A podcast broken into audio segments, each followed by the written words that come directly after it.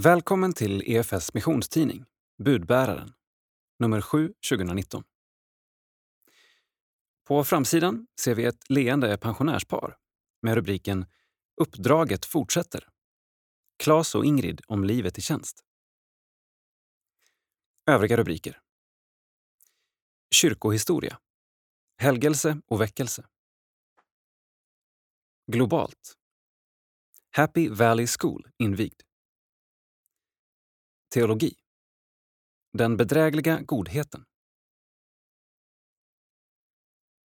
Innehåll. Sida 4. CBJ för förföljda kristna. Sida 5. Nattvard på månen. Sida 7. Krönika av Maja Ekström. Citat. Kanske gör telefonen det svårare för oss att tillägna stillheten som bönen vill ge oss. Slutcitat. Sida 8. Livsväg vill ge redskap för livet. Sida 10. Världens mest förföljda religion. Sida 12. Bildreportage från Happy Valley School. Sida 18. Paret Lundström, passionerade pensionärer. Sida 28. Plantering mitt i New York. Sida 36. Teologisk reflektion. Tro och vetenskap i en vuxen tro. Sida 38. Teologi. Godhetens bedrägliga valuta. Sida 42. Kyrkohistoria. Karismatik med rötter i metodismen. Sida 46. Resa. Malta, mysteriernas ö. Sida 50. Kultur. Om missionären Lars Johan Österblom. Och ny artikelserie. Överkurs i salmer. Sida 54. Info. Nytt och aktuellt inom EFS och SALT. Sida 58. Bial. Henry Johanssons resa i Indien. Sida 60. EFS distrikt, Mittnorrland. Sida 62. EFS distrikt Sydöstsverige. Och sida 65. Salt. Låt Jesus bära allt. Krönika av Amanda Vadjan. Sida 3. Ledare. Vem får definiera evangeliet? Kan kristendom definieras hur som helst och fortfarande kallas kristendom? Kan evangelium formuleras hur som helst och ändå kallas evangelium? Denna sommar har dessa frågor flera gånger återkommit i mina tankar. I båda fallen föranlett av inlägg i kyrkliga sammanhang där det handlat om samlevnadsfrågor. Grundfrågorna om definitionen av kristen tro och evangelium är avgörande viktiga för varje kyrka. Hela kyrkans historia vittnar om betydelsen av avgränsningar. Allt är inte kristendom och allt är inte evangelium. I en postmodern kultur som vår är dessa sista uttalanden naturligtvis ytterst utmanande. När var och en definierar sin egen sanning finns inte längre någon sanning. Och då finns inte heller något som är fel. Att tala om irrlära förlorar sin mening. Och hur ska vi då, om vi inte tror på att kasta dem på historiens skräphög, hantera de bibliska texter som gång på gång gör upp med just irrlära?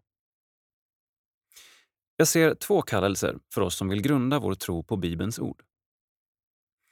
Den första är att definiera kristen tro utifrån ordet och den gemensamma kristna trostraditionen. Det finns i detta något tidlöst, något som går att känna igen i alla tider. Det måste finnas gemensamma trådar mellan urkyrkan och vår tid om det är samma tro vi delar.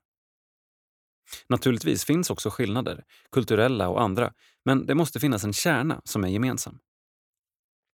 Vi kan här också notera att all sann reformation är ett återvändande till Bibeln och dess bokstavliga tolkning.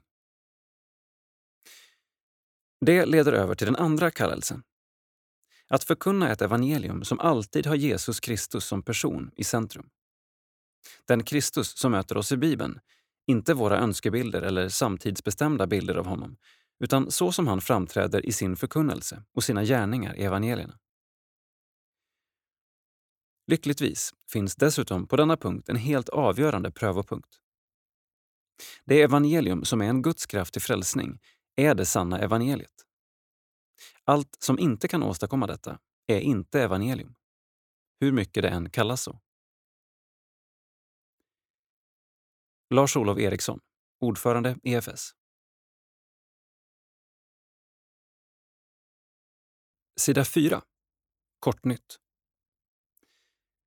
Tack alla ni som bar årskonferensen. Vilka fantastiska dagar vi fick under årskonferensen i Örnsköldsvik med temat Först måste evangeliet förkunnas för alla folk. Jag vill uttrycka mitt varma tack till alla som funnits med i bön, planering och praktiska uppgifter före och under konferensen. Jag tänker på berättelsen om den resande som kom till ett medeltida katedralbygge någonstans i Europa. Han intervjuade de arbetande och den första svarade att han murade ett valv och den andra att han forslade bort byggrester. Den tredje personen svarade “Jag bygger en katedral”. Min förhoppning är att du kan se att ditt tjänande bidrog till helheten och beredde väg för Herrens handlande bland många människor, unga som gamla. Det eviga värdet av den här helgen kan ingen av oss överblicka, men ett vet vi, att det aldrig är bortkastat att hänge sig i arbetet för Herren. Ni vet ju att han inte låter er möda vara förspilld. Första Korinthierbrevet 15 och 58. Varmt tack! Mikael Artursson, missionsledare EFS Mittnorrland. CBG för förföljda kristna. Årets insamling är viktigare än någonsin. Lördagen den 28 september är det dags för årets CBG att sändas på EFS Play. Årets insamling går till förföljda kristna och andra förföljda minoriteter i världen. I år är det viktigare än någonsin. Den här insamlingen är inte för EFS ekonomi, utan den är oerhört viktig för mottagarna. Våra kristna syskon behöver vårt bistånd, säger Johan Eriksson, kommunikations och insamlingschef på EFS och fortsätter Globalt sett är kristna den mest förföljda gruppen i världen. Men stödet är marginaliserat. Som kristna är vi extra kallade att känna med våra bröder och systrar. Om en lem i kroppen lider, så lider alla. Om vi ska ta det bibelordet på allvar måste det få konsekvenser både för EFS som rörelse och för oss som privatpersoner. Eriksson betonar att det går att göra stor skillnad med små medel. I programmet kommer vi få se många exempel från bland annat Irak. Genom vår samarbetspartner Capni kan vi vara med och understödja allt från presenningar till yazidiska familjer till att stödja kristna att vara kvar i sin tro och kultur trots massiv förföljelse. Vi stödjer den traditionella kyrkan i att evangelisera på nytt till sina medlemmar. Det är enkla insatser, men det kräver resurser.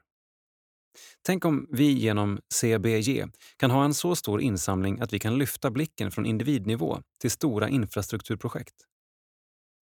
Vi tror ju på människor och samhällen förvandlade av Jesus, fastslår Eriksson. Nattvard på månen. Efter landningen ärade astronauten Buzz Aldrin Gud med Herrens måltid. 20 juli 2019 var det 50 år sedan astronauterna Neil Armstrong och Buzz Aldrin skrev historia som de två första männen som gick på månen med Apollo 11. 600 miljoner tittare följde den berömda månlandningen på tv och det blev därmed världens mest sedda händelse. Det som däremot blev mindre uppmärksammat var att den första måltiden som delades på månen faktiskt var nattvarden. Under vad som kallats den största bedriften i människans historia väljer den andra mannen som gick på månen, Buzz Aldrin, att hedra Gud genom att dela nattvard.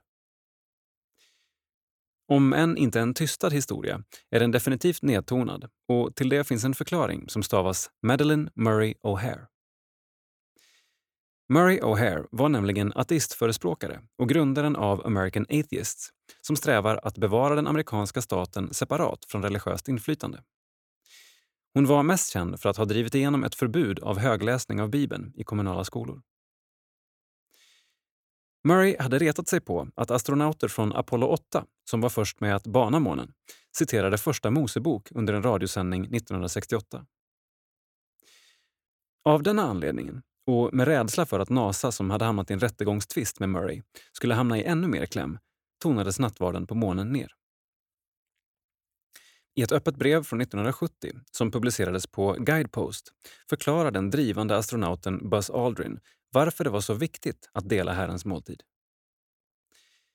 Vi ville uttrycka vår känsla av att det som människan gjorde i detta uppdrag överskred elektronik, datorer och raketer. Med sig till månen hade han bröd, vin och en silverbägare som han hade fått från sin hemförsamling i Houston, Texas. Aldrin uppmanade lyssnarna på jorden att tacka för den speciella månlandningen och citerade därefter Johannes evangeliet 15 och 5. Jag är vinstocken, ni är grenarna. Om någon förblir i mig och jag i honom bär han rik frukt. Ty utan mig kan ni ingenting göra. Buzz Aldrin intog sedan den heliga måltiden medan Neil Armstrong och Michael Collins avstod. Sida 7. Krönika. Kanske gör telefonen det svårare för oss att tillägna oss den stillhet som bönen vill ge, skriver Maja Ekström. Uppkopplad och hållbar. Hjälper din mobiltelefon dig att leva det liv du vill leva? Det är inte omöjligt. Den kan ge dig kommunikationsverktyg att upprätthålla relationer långt borta, föra nära och ge liv, eller att underlätta de dagliga relationerna. Nya kontakter med människor du inte skulle träffat annars möjliggörs genom telefonens tjänster och funktioner. Den inspirerar dig till att vara kreativ, lära dig nya saker eller se andra världar och hjälper dig praktiskt att närma dig dessa. Mobilens appar gör livsadministrationen enklare och sparar tid. Andra appar hjälper dig att be. Den nya tekniken är på många sätt en välsignelse för enskilda personer och för samhället i stort. Här vill jag dock, med risk att låta överdrivet utvecklingsfientlig, belysa negativa eller åtminstone problematiska sidor med denna teknik som så massivt intagit vår tillvaro de senaste åren. Utifrån den kristna tron och bekännelsen på Gud som inkarnerad tänker jag att vi inte kan skilja form från innehåll och därför behöver inse att även formen har ett budskap. Smarta telefoner är inte ett neutralt kärl. Forskningen på dessa maskiners kognitiva påverkan på sina användare är långt ifrån ikapp utvecklingen. De forskningsresultat vi ser är ofta från studier påbörjade fem år tillbaka. 2600 gånger dagligen rör vi i genomsnitt vid mobilen och vi plockar upp våra telefoner var tionde minut. Tre timmar av vår vakna tid använder vi varje dag den lilla multifunktionella skärmen. Fyra om du är tonåring. Telefonen fullkomligt suger åt sig vår uppmärksamhet. Forskarna ser hur den mjuka hjärnan omformas av våra beteenden. Beteendemodifikationer i sig är inte nödvändigtvis en dålig sak. Vi modifierar hela tiden vårt eller andras beteenden för att kunna ha välfungerande relationer med varandra. När boken blev allmänt tillgänglig under 1500-talet utvecklade människan ett linjärt tänkande. När man lär sig spela ett instrument, till exempel fiol, förändras hjärnan. Men vad gör det med en människa som vill se Gud? Det tycks som att mobiltelefonerna drar oss människor mot ytan och splittrar vårt fokus. Vi kan uppleva att det blir som teologen Augustinus sa. Du var i mig, men jag var utanför. Värden som närvaro, gemenskap och enkelhet hotas. Kanske gör telefonen det svårare för oss att tillägna oss den djupa koncentration och stillhet som bönen vill ge. Om du känner att din telefon leder din blick mot något annat än det Guds ögon är fästa vid, vill jag ge några råd. Ta kontroll över hur du vill börja din dag. Ställ dig frågan, hur vill jag börja min dag? Agera efter svaret. Gör det enklare för dig. Skaffa en väckarklocka. Skaffa ett armbandsur när du ändå håller på. Utforska hur du kan använda kroppen i din bön. Det blir en hjälp när tanken har svårt att stilla sig. Stäng av din mobil ibland, förslagsvis på söndagar. Åtminstone uppkopplingen till nätet. Använd inte telefonen för bön eller bibelläsning. Ta tillvara på det som känns och luktar, såsom böcker. Utnyttja din hjärnkapacitet att minnas och idissla bibelord så att de blir levande i dig. Gör det lätt. Uppmärksamhet är en enkel och ren form av bön. Maja Ekström, teolog och skribent.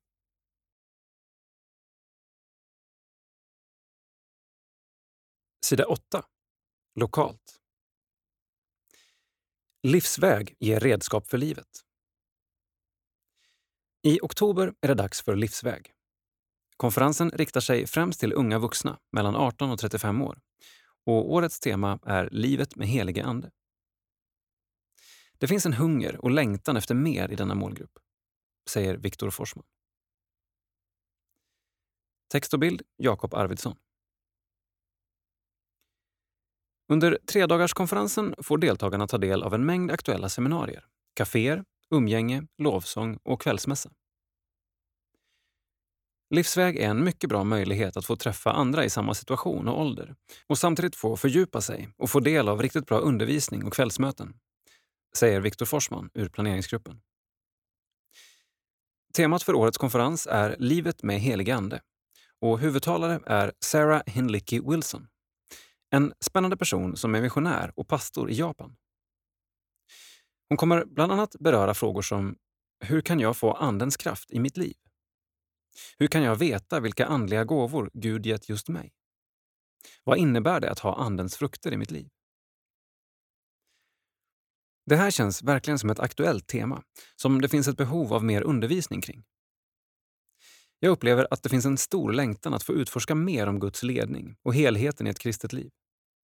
Att helt enkelt få ihop alla delar i livet som rör relationen till Gud och förstå mycket mer av vad det innebär att vara ledd av heligande. Säger My Nygren, medlem i Lötenkyrkan och del av planeringsgruppen för Livsväg. De senaste åren har konferensen haft ungefär 150 deltagare som strömmat in från olika delar av Sverige. På de öppna kvällsmötena har det kommit ungefär lika många till, både EFS-are och från många andra samfund. Vi längtar efter väckelse i Sverige och det måste alltid börja med ett möte med Gud. Min förhoppning är att livsväg ska ge redskap för att få ihop hela livet. En gudsrelation som bär. Och att den undervisning vi fylls med får komma till nytta i våra olika lokala sammanhang. Säger Viktor Forsman. Anmälan till konferensen är öppen och görs på konferensens webbsida livsvag.efs.nu. Där går det också att läsa mer om schemat och vilka seminarier som erbjuds.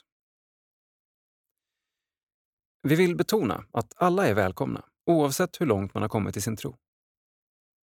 Livsväg är ingen elitgemenskap, utan snarare en mötesplats för alla som hungrar och längtar efter mer, säger My Nygren. Vad är Livsväg? Livsväg är en tredagarskonferens helgen 4-6 oktober i Lötenkyrkan, Uppsala. Årets tema är Livet med helig ande. Konferensen är ett samarrangemang mellan EFS, SALT, barn och unga i EFS, Johannelunds teologiska högskola, EFS Mikaels, Lötenkyrkan och Sensus.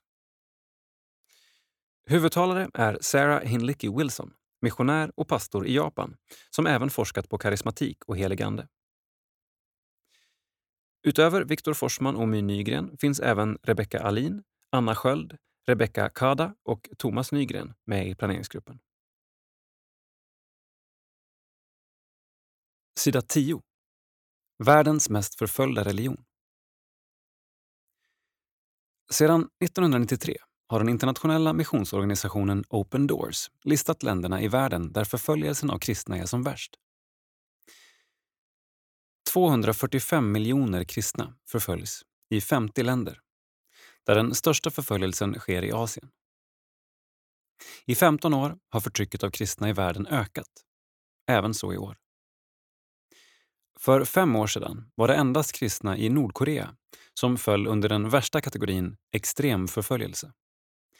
Idag har länderna ökat till 11. Länderna på World Watch-listan betygsätts utifrån sex kategorier och utifrån den sammanlagda poängen rankas länderna under extrem förföljelse, mycket allvarlig förföljelse och allvarlig förföljelse.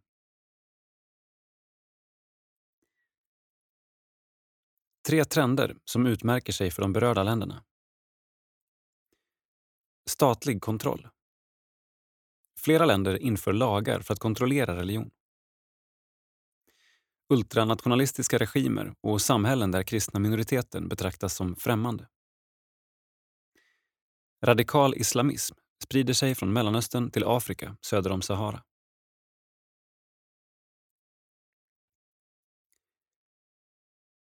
EFS missionsländer på Open Doors World Watch-lista. Här nedan listar vi fem av EFS missionsländer som är med på Open Doors lista av länder i världen där förföljelsen mot kristna är som värst. Se fullständig lista av drabbade länder på open-doors.se.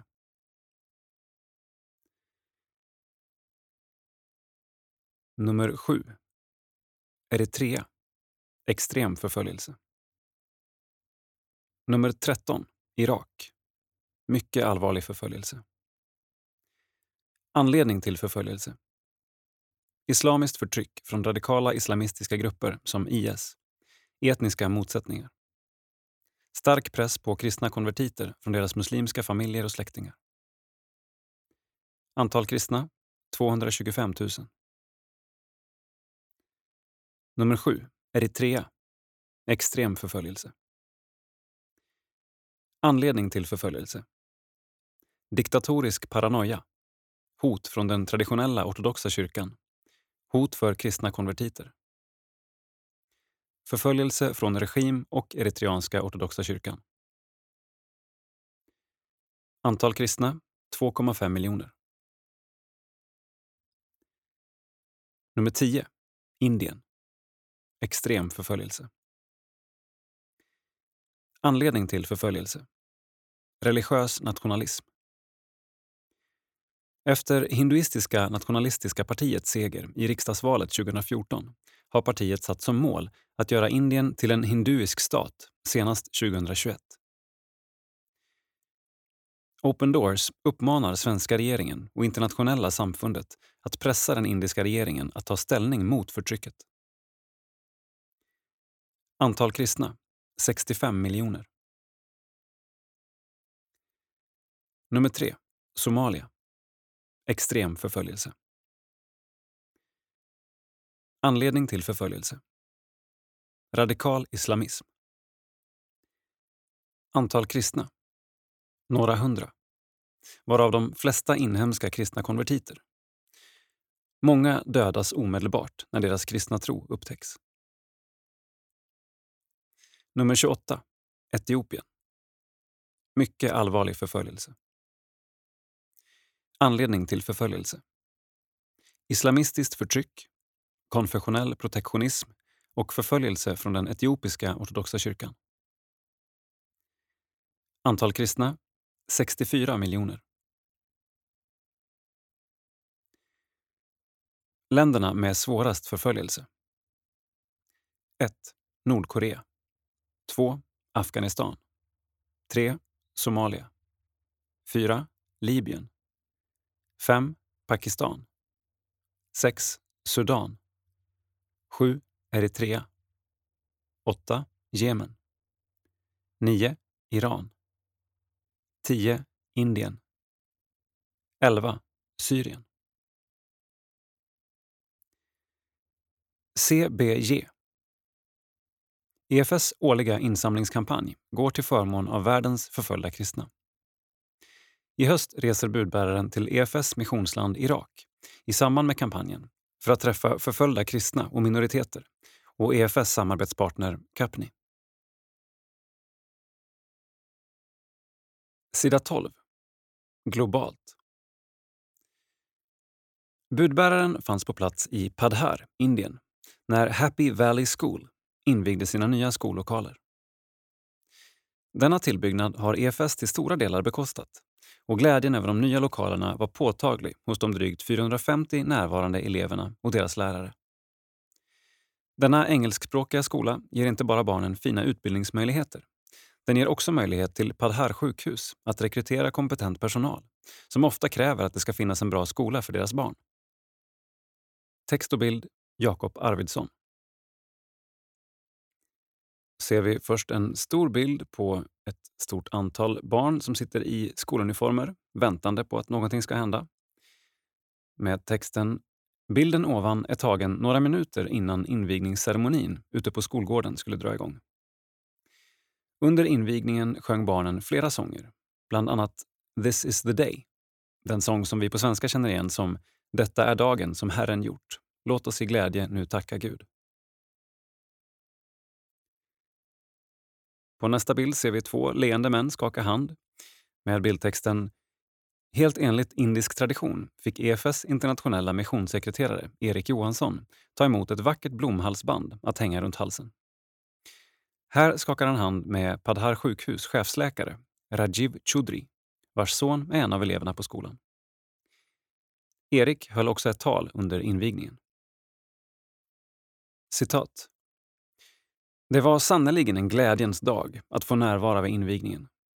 Det här har varit en lång resa, så det känns fantastiskt att få se allt på plats.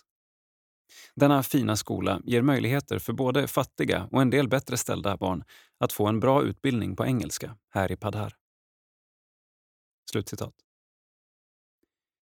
Erik Johansson, EFS internationella missionssekreterare.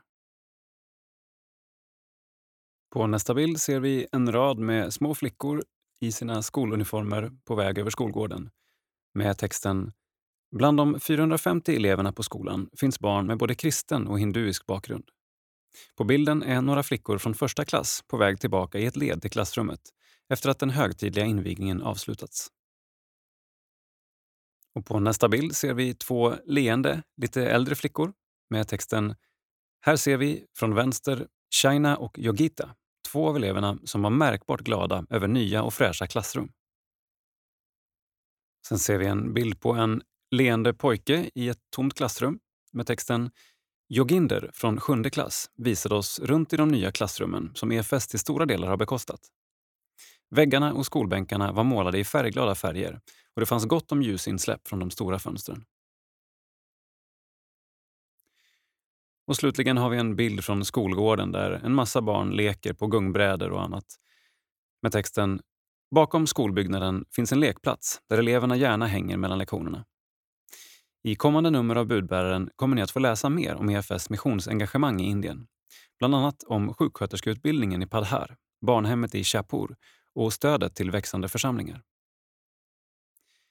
Tack till alla givare som frikostigt har varit med och bidragit till ett viktigt missionsarbete i ett samhälle där bara några få procent har fått del av frälsningens gåva i Jesus Kristus. Säger Erik Johansson. Happy Valley School Happy Valley School byggdes ursprungligen 1984. Det är en engelskspråkig skola med kristen profil i Padhar som tillhör Madhya Pradesh-regionen i Indien. Här går cirka 450 elever, från förskolebarn på tre år till de äldsta som hunnit fylla 17 år. Skolan har för närvarande 22 lärare. Under EFS besök i juni invigdes skolans nya lokaler som tack vare EFS gåvomedel har kunnat bli verklighet. I övrigt präglas samhället Padhar av sitt sjukhus och skolans kvalitet har varit en viktig förutsättning för att kunna locka kompetent personal till sjukhuset.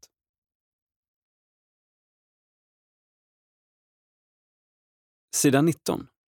Porträtt. Passionen, kampen och glädjen. Budbäraren träffade Claes och Ingrid Lundström och pratade om deras livslånga tjänst för EFS om att dela tro där man befinner sig och om en viss plats som har banat väg för mission i Sverige. Text Dagmawit Alemajehu. Bild Rickard L Eriksson. Claes och Ingrid Lundström har varit i tjänst genom EFS under flertalet år sedan 1982. När vi träffas hemma hos paret i idylliska Vattholma norr om Uppsala var det en dag kvar innan de skulle gå i pension. Framtidsplanerna bekräftade dock att de inte hade lagt sig på latsidan för det. Passionen har inte minskat. Vi känner oss mer brinnande med åren, säger Ingrid Lundström. Vattholma påminner om Astrid Lindgrens Bullerbyn med röda små hus och trädgårdar som viskar om svenska midsommardrömmar. Här har Claes och Ingrid bott i 25 år och paret har för tillfället två inneboende. Mohammed är en kristen konvertit som bodde hos oss ett tag. Han kom till tro redan i Iran och döpte sig i Uppsala domkyrka. Han förde sedan två afghanska killar till tro och idag bor de hos oss. Att ha ensamkommande boendes hemma hos oss har varit en del av vardagslivet, berättar Claes. Claes och Ingrid träffades på en bibelskola i mitten av 70-talet och gifte sig 1979. Då hade de varit ute med Operation Mission, Ingrid med båten Logos ett år i Sudan och Claes ett år i Egypten. Claes föräldrar var EFS-are och för Ingrid, som tidigare arbetade i Missionskyrkan, blev det naturligt att ansluta till rörelsen efter giftermålet. Tre år senare inledde de sitt gemensamma äventyr som missionärer i Tanzania. Jag frågade EFS om det fanns ett sätt att förbereda sig på om man skulle vilja åka ut på mission. Och då rekommenderade de att jag skulle studera teologi på Johannelund, säger Claes, som under sin EFS-historia har varit verksam som missionär, lärare i teologi och senare lektor och docent på Johannelund. Efter studierna blev det en öppning i Mtwara i södra Tanzania och på senhösten 1982 kunde paret resa dit. Efter språkstudier blev Claes också prästvigd av en tanzanisk biskop. De fyra första åren blev jobbiga men lärorika. Det tog tid att lära sig språket och att bekanta sig med kulturen. Ekonomin i landet fungerade dåligt. Det var brist på det mesta och svårt att resa, så vi var ganska begränsade i våra arbetsuppgifter. Vi skötte ett konferenscenter och höll kurser på plats i Mtwara, säger han. Ingrid summerar sina år inom EFS med följande ord. Slit, men också mycket glädje. Utifrån berättelserna som paret delade skulle tiden i Tanzania kunna beskrivas med just de orden. Ingrid hade en dramatisk förlossning 1983 och två veckor senare fick hon hjärnmalaria. Då sonen Samuel var ett år fick han en livshotande brännskada och reste hem till Sverige för vård. Claes beskriver nästa period som ett välbehövligt år av återhämtning. De reste till USA där Claes bland annat läste missionsvetenskap på Fuller Seminary i Los Angeles. Det var en underbar tid och speciellt kul med tanke på att flera EFS-präster har studerat där, säger han. Väl tillbaka i Sverige fick de förbön av en vän som inte hade en aning om problemen med malaria. Hon fick en märklig bild där hon såg ett nät som gick igenom och runt hela min kropp och alla organ. För mig blev det ett tydligt tilltal. Det var precis som om Gud sa Ingrid, de mänskliga myggnäten har inte kunnat beskydda dig. Men nu ger jag dig mitt beskydd, mitt myggnät, säger Ingrid. Ingrid, som hade haft malaria cirka 20 gånger på fyra år, fick det aldrig mer när hon kom tillbaka till Tanzania. Resterande sex år tillbringades i Kidugala där Claes undervisade i teologi på ett prästseminarium. Nyår 1988 var vi tillbaka och jag undervisade främst i troslära och etik. Jag fick skriva mina egna läromedel med tanke på att det inte fanns så mycket litteratur på swahili, berättar Claes och visar upp ett exemplar av en lärobok som han har skrivit. Vistelsen i Kidugala var välsignad och Claes minns speciellt en helg då han och en tanzanisk medarbetare blev kallade att resa ut på Usangu-slätten några mil nordväst om Kidugala. I början av 1990-talet var det en genombrottstid för Masai-missionen och flera hundra hade kommit till tro. Flera grupper i olika åldrar hade beslutat sig för att döpa sig. Med sång och glädje satt de en hel dag och väntade på att vi skulle komma. Det var häftigt. Den dagen döpte vi 52 personer på fyra platser. Kyrkan växte snabbt och det var en påtaglig brist på utbildade ledare. Och seminariets kapacitet räckte egentligen inte till för att utbilda alla. Claes ägnade därför en stor del av tiden till att undervisa och utrusta ideella ledare. Många ledare hade inte mer än den undervisning de fått vid sin konfirmationsläsning. Därför startade vi Theological Education by Extension, teologisk utbildning på distans, som var ett treårigt program för lokala ledare i kyrkan. Det växte till ganska snabbt När vi reste till Sverige var det bortåt 500 som gick programmet och det fortsätter än idag i stiftet, säger han. Efter viloåret i USA fick Ingrid ett tilltal där Gud berättade att han ville använda hennes händer. Gud ledde mig till byns sjukstuga där jag tillsammans med en äldre bibelkvinna hade andakter, bad för sjuka och smorde dem med olja. Det blev också mycket diakonalt arbete. Aids-epidemin började drabba Tanzania i början av 1990-talet och vi kunde se det tydligt i vår by. När det var dags att lämna Tanzania hade Ingrid med sig en ryggsäck full med erfarenheter, insikter och skratt. Väl tillbaka i Sverige trodde Ingrid att resan som missionär var över. Vi är otroligt glada för tiden i Tanzania. Det som hände i Sverige efter Tanzania är dock det som känns viktigast. Tanzania blev snarare en förberedelse för vad vi gick in i här på hemmaplan.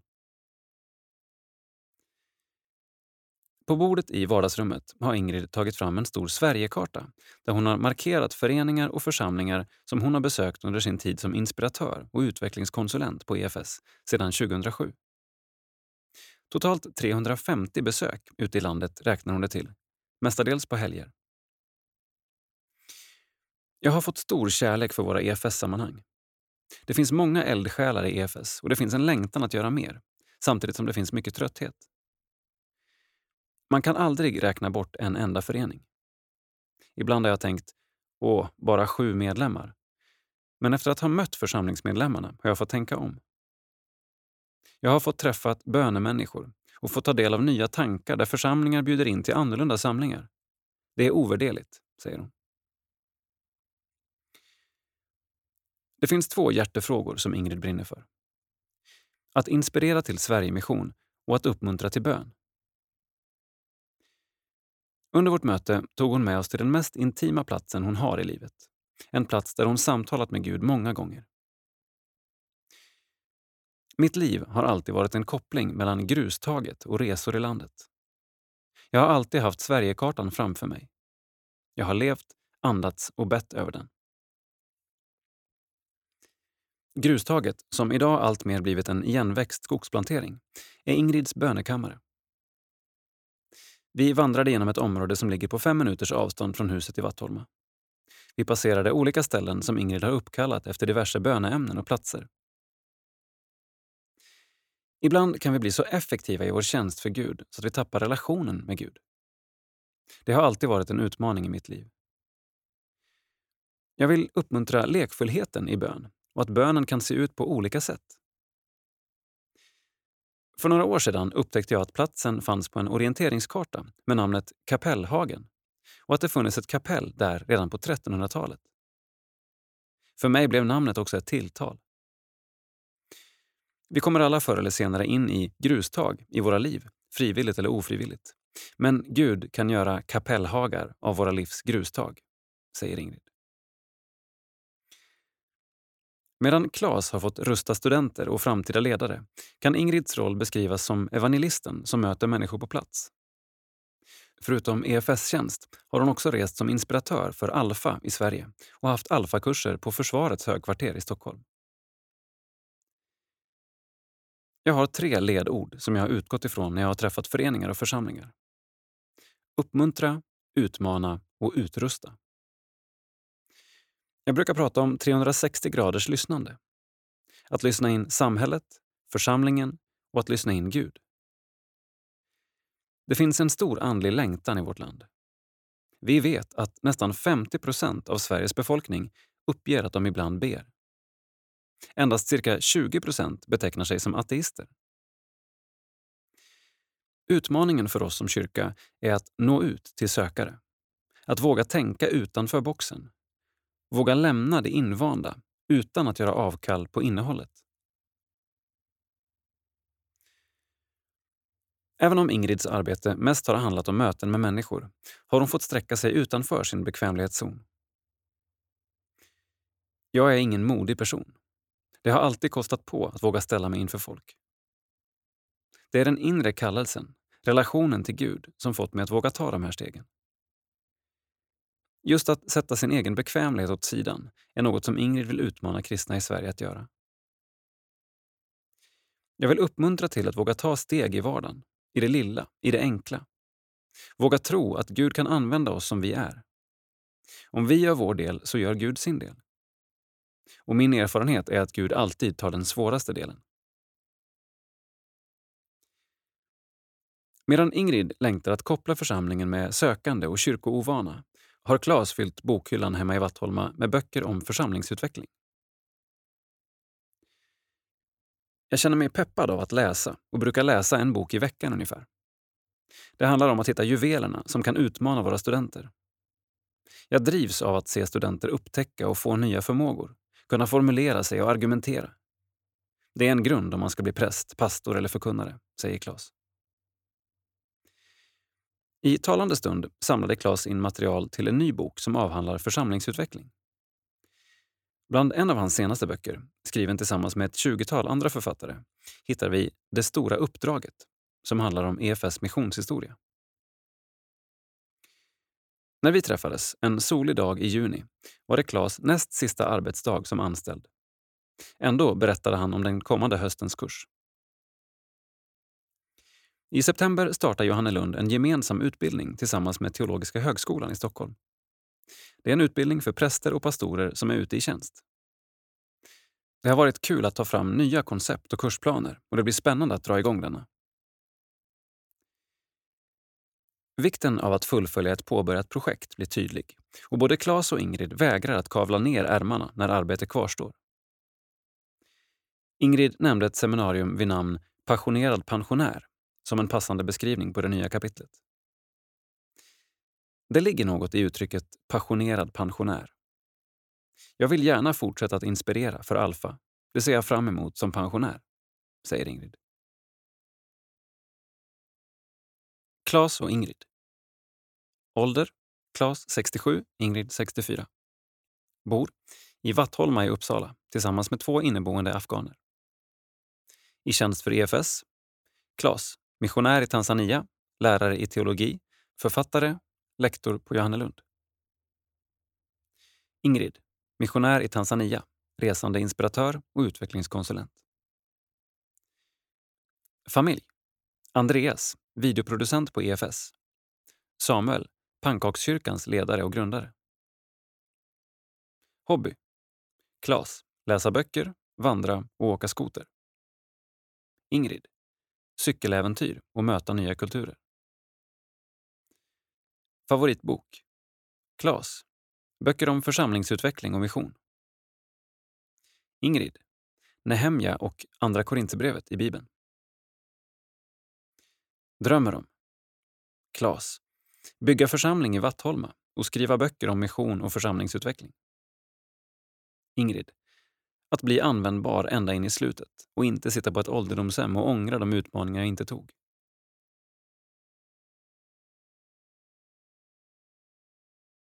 Sida 28.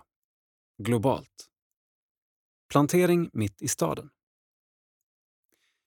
Eric Sorensen leder den lutherska församlingsplanteringen Epiphany på Lower East Side, Manhattan. Budbäraren närvarade vid en vanlig söndagsgudstjänst i den nystartade kyrkan och fick en pratstund med Eric om livet och utmaningarna som pionjär. Text Magnus Persson, bild Jakob Arvidsson. Det är en kvav söndags eftermiddag då sommarvärmen redan börjat lägga sig över Manhattan, trots att det bara är sista helgen i april. Vi sitter ner med Eric Sorensen, som bekräftar det vi redan gissat. Hans efternamn avslöjar att hans förfäder emigrerade till Amerika från Danmark. Han påminner själv om en reslig viking med sina 190 centimeter och sitt välvuxna skägg. Eric växte upp i södra Kalifornien där hans föräldrar kom till tro i Jesusrörelsen som berörde tusentals hippies under 1960-70-talet. Efter skoltiden hamnade Eric på ett teologiskt seminarium i Minnesota som drivs av Church of the Lutheran Brethren. Det är en lågkyrklig rörelse som påminner om EFS och har sina rötter i den norska evangelisk-lutherska och pietistiska väckelserörelsen som uppstod kring lekmannapredikanten Hans Nielsen Hauge. Mission stod högst på deras agenda och till en början sände de ut så mycket missionärer till Asien och Afrika att rörelsen nästan avtog i Amerika. Idag har vår rörelse genomgått en genomgripande luthersk förnyelse. Vi har fördjupat våra rötter i den evangelisk-lutherska bekännelsen samtidigt som vi prioriterar att starta nya församlingar i USAs storstadsområden. Idag är vi både sakramentala och missionella, berättar Eric och fortsätter. Det jag alltid har uppskattat med den lågkyrkliga väckelserörelsen är dess ständiga fokus på att missionera och evangelisera. Att predika evangelium och vinna nya människor har alltid stått främst och det har präglat mig och min tjänst, inte minst som församlingsplanterare.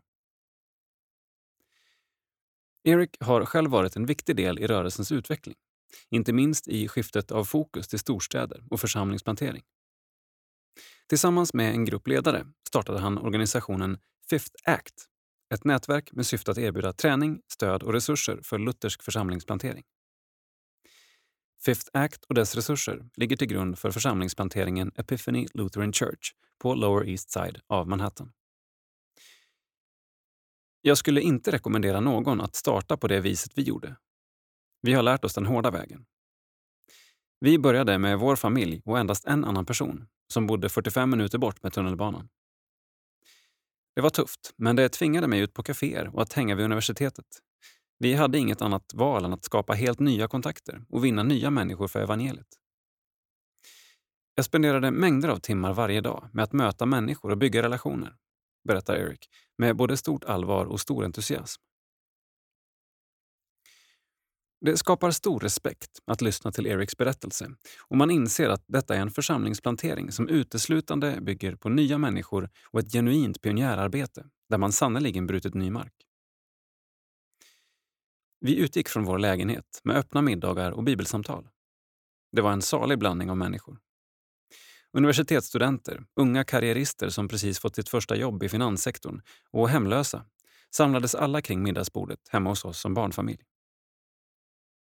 Idag, fyra år efter den initiala pionjärfasen och två år efter att man officiellt planterat församlingen, har Epiphany drygt 60 medlemmar. Församlingen hyr in sig i Trinity Church som tillhör den slovakiska lutherska kyrkan. Vi frågar Eric om vilka lärdomar han skaffat sig längs resan så långt och vilka de största utmaningarna är. En av de största frustrationerna är den rådande kulturen i New York City. Folk i allmänhet och ungdomar i synnerhet bor här av olika skäl bara för en kortare period. Människor är ständigt på väg och i rörelse. I snitt stannar människor här enbart tre år. Det innebär att så fort man hunnit skapa en kärntrupp så är det dags för dem att dra vidare.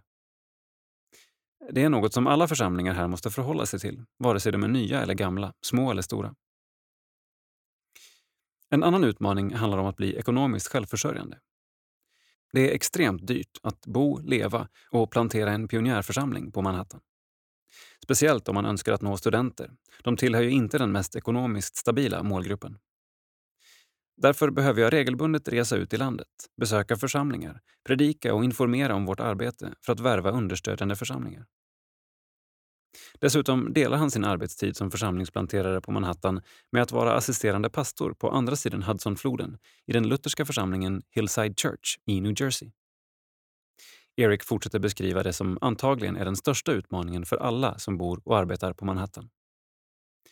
Tempot, stressen och pressen att alltid vara upptagen. Det är inte för inte som detta kallas staden som aldrig sover. Alla arbetar hårt och det blir långa dagar. Men det finns även en kultur som liksom kräver att du ständigt ska vara upptagen, ha mycket för dig och ha en massa saker på gång. Det ligger i luften över hela Manhattan. För mig som pastor har det varit viktigt att inte gå in under detta utan att försöka bevara stillheten, fokuset och kunna erbjuda något helt unikt, nämligen att ha tid. Eric menar att det hektiska tempot djupast sett springer fram ur existentiella frågor. Konkurrensen är stenhård och de som visar svaghet blir utslagna. Därför blir det ytterst en kamp om att bevisa sitt värde och skapa sin identitet som en duglig människa. Helt enkelt att försöka rättfärdiga sin personliga existens genom prestationer och resultat. Att vara snygg, rik, lycklig och erkänd. Det är många som drömmer om ett glamoröst liv på Manhattan. Men Eric ser hur dessa drömmar krossas på löpande band och hur tillvaron för många förvandlas till en mardröm. Han ger flera exempel på människoöden som slukats och släckts ut av den kultur som han kallar “the survival of the fittest”, de starkastes överlevnad.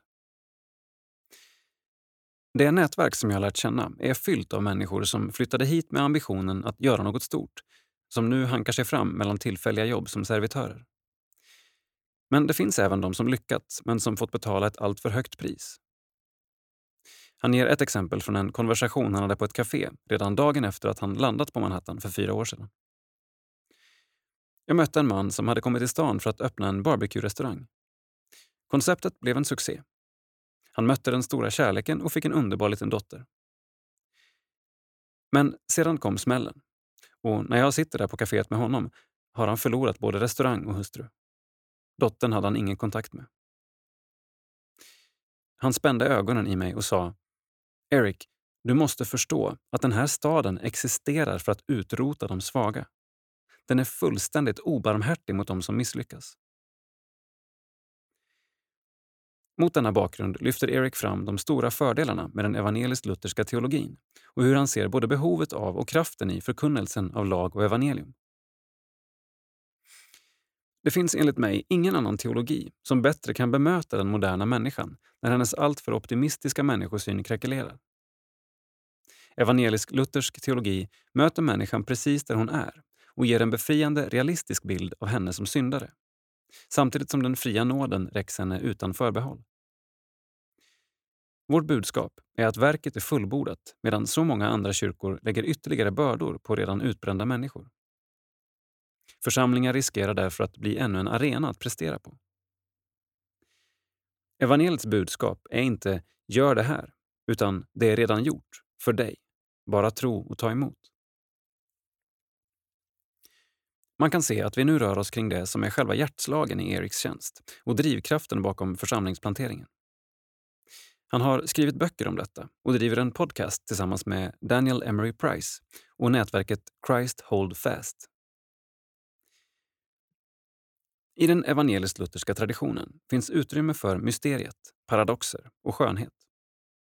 Den sakramentala dimensionen där Kristi verk räcks dig på ett konkret och synligt vis där din tro kan vila vid något objektivt snarare än enbart det subjektiva, verkar på ett alldeles speciellt sätt tilltala nutidsmänniskan som lever under så mycket press och ångest.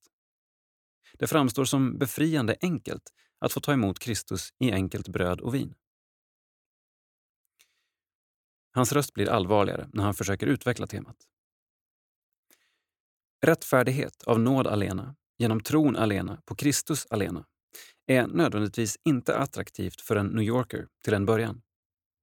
Vi lever i en prestationskultur där många berömmer sig av hur hårt de slitit för att bli de de är och vilka offer de gjort för att uppnå sina resultat.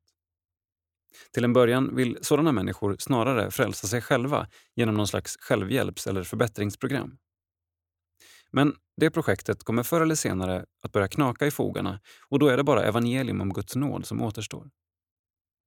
Men vi måste våga stå fast i den övertygelsen och vara trofasta mot det som håller långsiktigt, i både liv och död.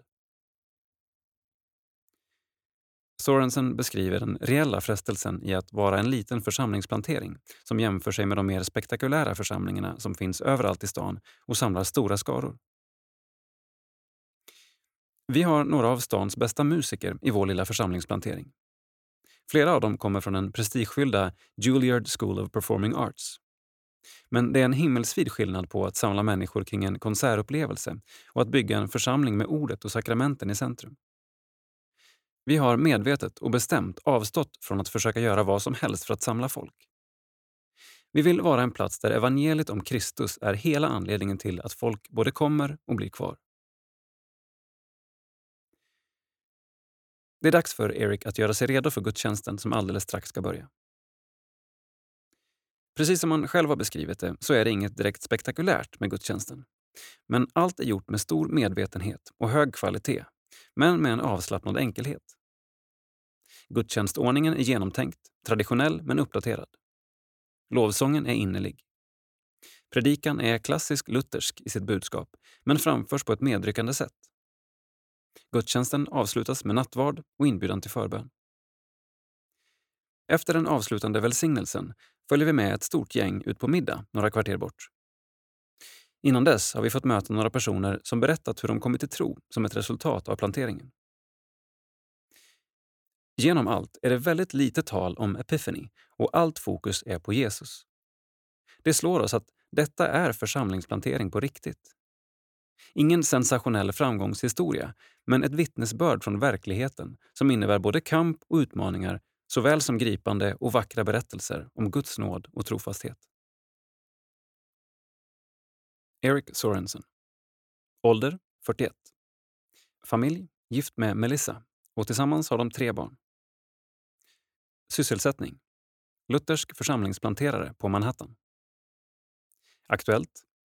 Värd för podcasten 30 minutes in the New Testament och kommer medverka vid en stor luthersk förnyelsekonferens i Sankta Clara kyrka i Stockholm den 8-10 maj 2020 som arrangeras av EFS tillsammans med Christ Hold Fast och 1517 Legacy. Sida 36. Teologisk reflektion. Tro och vetenskap i en vuxen tro. För att bearbeta relationen mellan vetenskap och religion behöver vi verktyg och vi behöver få känna att vi inte är ensamma med dessa frågor, skriver Kristoffer Skogholt. Text Kristoffer Skogholt, illustration Benjamin Kruse. Hur hänger din tro och din världsbild ihop? Hänger de alls ihop? Är de i konflikt? I en tidigare teologisk reflektion, budbäraren nummer 8 2018, citerade jag det medeltida mottot Nåden bygger på naturen och fullkomnar den, men förstör den inte. Nåden står för det som mer direkt har med Gud att göra, såsom uppenbarelsen. Och naturen står för det vi kan omfatta utan hjälp från Gud, med enbart vårt förnuft och våra sinnen. Mottot uttrycker den tänkta komplementära relationen mellan teologin och den naturliga kunskapens perspektiv. Teologin kan inte reduceras till ett rent inomvärldsligt tänkande, men den är heller inte i konflikt med det vi vet om världen. Den går utöver detta och kastar ljus på den. Den bygger på naturen och fullkomnar den. Anledningen till att jag tar upp detta är för att jag menar att en av de främsta orsakerna till att många människor lämnar kyrkan när de blir några år över 20 är att den tro som förmedlats till dem inte är förenlig med den världsbild som förmedlas genom vetenskapen och deras egen erfarenhet av tillvarons komplexitet. För att bearbeta denna relation, relationen mellan vetenskap och religion, behöver vi verktyg och vi behöver få känna att vi inte är ensamma med dessa frågor. Men medan kyrkan i allmänhet ofta har ett väl utvecklat arbete för att förmedla kunskap om Bibelns innehåll till barn utifrån deras förutsättningar och perspektiv och lära dem att be och något om trons innehåll finns det nästan inget systematiskt arbete för att hjälpa vuxna människor att bearbeta tron i ljuset av vetenskapen. Det är som att vi tänker att detta ska gå av sig själv, eller kanske ännu hellre aldrig uppkomma som en fråga.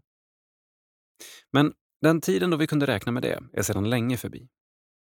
Och vad är den tro värd som bygger på att människor inte använder sin längtan att förstå världen? Joel Halldorf konstaterade i en krönika i Expressen den 21 juli att om alla som vuxit upp i svensk pingströrelse under 1900-talet hade stannat kvar hade rörelsen haft en miljon medlemmar idag. Istället har man 100 000. Orsakerna till att så många lämnar är flera.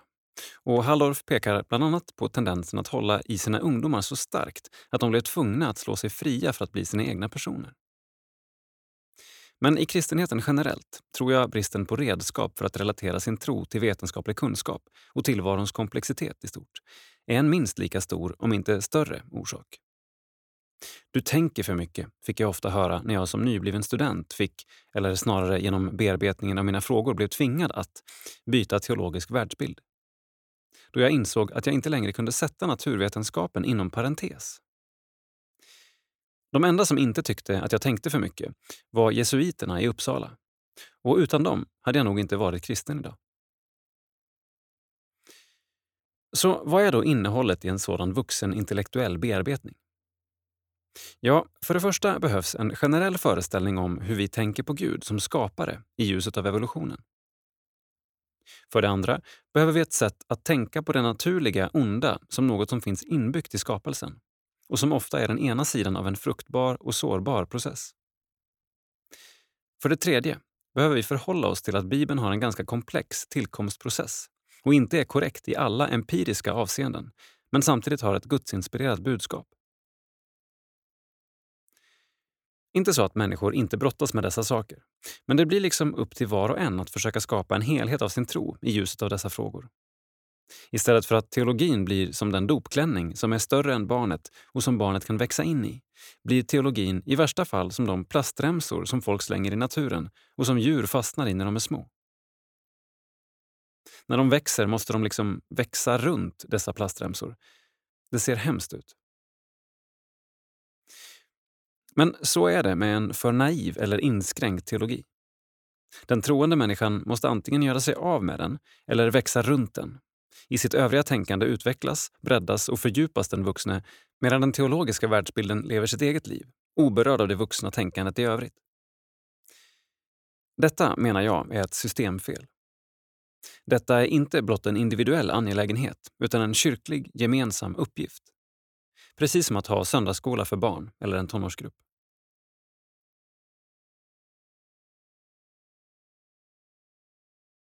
Sida 39. Teologi. Godhetens bedrägliga valuta. Den sympatiska godhetens budskap med sina goda råd ska vi inte förväxla med evangelium. Evangeliet öppnar himlen för syndare, för dig och för mig skriver Thomas Nygren. Text Thomas Nygren. Illustration Benjamin Kruse. Lycka. Inte någon annanstans, utan just här. Inte någon annan gång, utan just nu.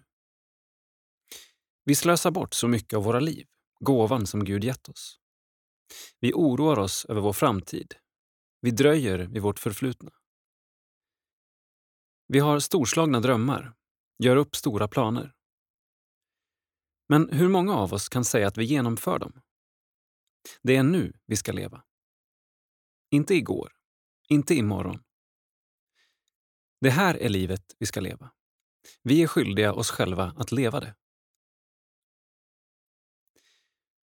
Så långt får vi höra prästens predikan i ett avsnitt i den brittiska mysdeckaren Grantchester där polisen och prästen tillsammans löser mordfall i 1950-talets England. Prästen är sympatisk och engagerad. Långt från Bergmans onda präster. Brottas med livet och kärleken, förutom att han löser brott och predikar på bästa sändningstid i svensk television. Det är intressant att fundera på vilken bild av kristen tro som framkommer i dessa predikningar. Den kristna tron i Grantchesters tappning är sympatisk, tolerant och uppmuntrande. På det sättet är den raka motsatsen till den svenska kulturens Bergmanska schablonbild av kristna tron och prästen som osympatisk, intolerant och förtryckande. Så långt är allt väl. Men om man tittar en gång till och funderar på vad teologin enligt Grantchester blir, grumlas bilden. Man förstår av predikosnuttarna i de olika avsnitten att Gud egentligen är tolerant och god, men att han har överlämnat åt människorna att själva ta tag i sina liv. Det är det här livet vi ska leva. Vi är skyldiga oss själva att leva det. Gud står genom prästens predikan för uppmuntran, men det avgörande måste vi människor själva stå för. Vi behöver själva stå för genomförandet. Just här blir teologin mer än grumlig. Här blir ljuset helt skymt. I Grantchesters sympatiska värld finns nämligen inget evangelium. Gud är visserligen tolerant och uppmuntrar, men upprättelse, förlåtelse och förbättring blir människans egen utmaning. Grantchester-typen av teologi är djupast sett en sympatisk etik som handlar om att vi ska vara kärleksfulla och ta ansvar, men som saknar frälsare. Här finns ingen Jesus som burit mina synder och är redo att förlåta.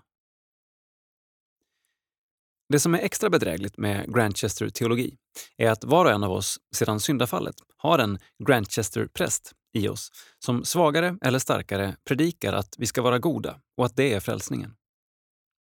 Det är den lagiska tanken som gör att vi, när vi lyckats vara goda, tänker att Gud är skyldig oss bönesvar på det vi riktigt vill ha. Och får vi inte det bönesvar som vi tänkt oss upprörs eller irriteras vi av att Gud inte håller sin del av avtalet. Det affärsavtal som det då egentligen blir, att vi gör gott och Gud betalar tillbaka i form av bönesvar. Det är samma mekanism som ligger bakom att vi försöker dölja våra felaktiga handlingar, våra synder och misstag, både för varandra och för Gud, och inte våga stå där utan något eget att gömma oss bakom.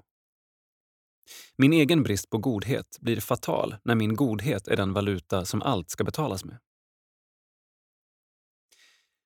När kristen tro främst blir godhet och goda råd, vad ska vi göra? Istället för goda nyheter, vad Kristus har gjort. Berövas den sin kraft? Goda råd medför att det blir ett ständigt fokus på mig själv och därmed på mina egna resurser med dess begränsningar. Goda nyheter däremot betyder att något positivt avgörande redan har hänt, redan innan jag visste om det. Det handlar om någon annans resurser. Visst behöver vi goda råd, men mer än något annat behöver vi höra goda nyheter. Utan frälsningen, som en gåva, kommer våra liv att vara en ständig kamp där det bästa vi kan hoppas på är tolerans, om vi inte får till det. Vilken skillnad är det inte att kunna vila i det fullbordade, att räddningen redan är ordnad. Valutan är inte min egen godhet, utan Jesus Kristus själv. Då blir de etiska riktlinjerna i tron just enbart goda råd och en hjälp att praktisera ett gott liv. Vi behöver inte bära tyngden av att rädda våra liv. Den tyngden har Kristus redan burit. Den sympatiska godhetens budskap med sina goda råd ska vi inte förväxla med evangelium. Evangeliet öppnar himlen för syndare, för dig och för mig. Det ger oss även möjligheten att ta vara på goda råd och försöka hantera livet bra, men nu som en följd, en frukt, av det goda vi fått och inte som ett frälsningsvillkor. Det är skillnad det. En helt avgörande skillnad. Sida 42. Kyrkohistoria. Från helgelse till väckelserörelse. Helande och helgelse är temat när Torbjörn Aronsson tar oss vidare på resan genom karismatikens historia. Text Torbjörn Aronsson, bild iStock. 1800-talets väckelserörelser i USA föregrep pingstväckelsens genombrott på flera olika sätt. Andens dop och helande blev teman för förkunnelse och praktik genom den internationella helgelserörelsen. Andens dop förknippades med helgelse eller med kraft att vittna och ta initiativ för Guds rike. Helande och socialt engagemang sågs ofta som olika aspekter av helgelsen och förknippades med människans återupprättelse i Kristus. 1800-talet innebar metodismens globala genombrott. Vid John Wesleys död 1791 fanns det cirka 150 000 organiserade metodister i världen. Hundra år senare uppgick antalet till cirka 8,7 miljoner. Antalet personer som regelbundet deltog i metodistiskt gudstjänstliv kring sekelskiftet 1900 var cirka 25 miljoner runt om i världen. Metodismens centrum flyttades under 1800-talet till USA och påverkade de protestantiska samfunden där på ett kraftfullt sätt. Det gällde framförallt John Wesleys undervisning om helgelse, eller kristen fullkomlighet, Christian perfection, som han själv hellre uttryckte det. Att varje kristen var kallad att sträva efter fullkomlighet var en ny förkunnelse bland protestanter. Wesleys medarbetare John Fletcher underbyggde denna förkunnelse genom att peka på Andens roll i apostlagärningarna. Genom dop i Anden eller uppfyllelse av Anden kunde människan få den kraft som behövdes för att helgelsen skulle fullbordas. Från 1830-talet och framåt vann Wesleys och Fletchers helgelseförkunnelse insteg bland många av de protestantiska samfunden i USA och sedan under andra hälften av 1800-talet i många kyrkor i Europa. Förkunnelsen omformades och anpassades till olika teologier med resultat att det snart fanns en lång rad olika definitioner av både helgelse och andedop. Tanken på helgelse kopplades också samman med tankar på fysisk och social upprättelse eftersom frälsningen innebar ett återställande av Guds avbild i Kristus. Helande, men också ett starkt socialt engagemang kom att prägla den internationella och interkonfessionella helgelserörelse som tog form. Absolut nykterhet, hälsosam livsstil och helande knöt samman med förkunnelse om helgelse, andedop och världsmission. Evangelister som Charles Finney 1792 till 1875 och Dwight L. Moody 1837 till 99 blev portalfigurer för att sprida helgelseförkunnelsen i allt vidare kretsar. Eftersom den ursprungliga helgelseförkunnelsen inte primärt syftade till församlingsgrundande utan personlig andlig förnyelse och mission kunde kvinnor tidigt uppträda som predikanter inom ramen för helgelsekonferenser, evangelisationskampanjer och informella möten och gudstjänster. Från slutet av 1860-talet började nya samfund och interkonfessionella helgelseorganisationer att bildas. De kunde expandera tack vare de nya snabba kommunikationsmedlen. Ångbåten och järnvägen skapade förutsättningar för både industrialisering, emigration och internationella kulturella och religiösa kontaktnät. De fredliga förhållandena underlättade ytterligare den snabba förmedlingen av nyheter och nya andliga rörelser. Under 1880-talet planterades och grundades flera samfund och interkonfessionella helgelseorganisationer i Sverige med stöd och inspiration västerifrån. 1863 grundades Sjundedagsadventistsamfundet i USA av bland andra den tidigare metodisten Ellen Gold White. 1827 till 1915. Den första adventistförsamlingen i Sverige startades i Grythyttan 1880. Frälsningsarmén grundades av den tidigare metodisten William Booth 1829 till 1912 i London 1865 och kom till Sverige 1882 under ledning av Hanna Okterloni 1838 till 1924. 1882 grundade Ebba Boström 1844 till 1902 Samariterhemmet i Uppsala som ett helande hem tillsammans med andra omfattande sociala projekt. Helgelseförbundet grundades 1887 av bland andra Nelly Hall 1848 till 1916 vars helande och helgelseförkunnelse drog stora skaror. 1889 kallades John Ongman 1845 till 1931 från St. Paul, Minnesota till pastor i Örebro baptistförsamling. 1892 grundade han Örebro missionsförening som blev ett centrum för en helgelseorienterad baptism inom Svenska baptistsamfundet. Samtidigt med dessa nya samfund växte metodistkyrkan kraftigt i landet, särskilt i hamn och industristäder. När Helgelseförbundet, Fribaptistsamfundet och Örebromissionen 1997 bildade Nybygget Kristen samverkan 2002 med nytt namn Evangeliska Frikyrkan förenades flera strömningar med gemensamma rötter i det sena 1800-talets internationella helgelserörelse. En betydande del av svensk frikyrklighet idag har således sitt ursprung här och ytterst sett i John Wesleys teologi. Den internationella helgelserörelsens teologi och globala nätverk utgjorde dessutom utgångspunkten för pingstväckelsens tillkomst, både i USA och i Sverige. Till den återkommer jag i nästa artikel. Sida 46. Resa. Ön med många mysterier. Det är bara ett litet hopp till Malta. Tre timmars flyg till en engelsk ö mitt i härligt varma Medelhavet. Att vår veckolånga solsemester blev en tidsresa ända ner i dödsriket hade jag inte en tanke på. Text och bild Herty Dixon. Det som lockar mest är att åka ut med kajak på det inte fullt så befolkade Gozo. På nätet erbjuder flera kajakfirmor guidade gruppturer. Vi bestämmer oss för det företag som inte har äventyr i namnet. Lugnast så.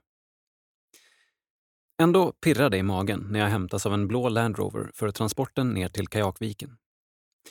Jeepen ser ut att ha många år på nacken. Som allt här på ön.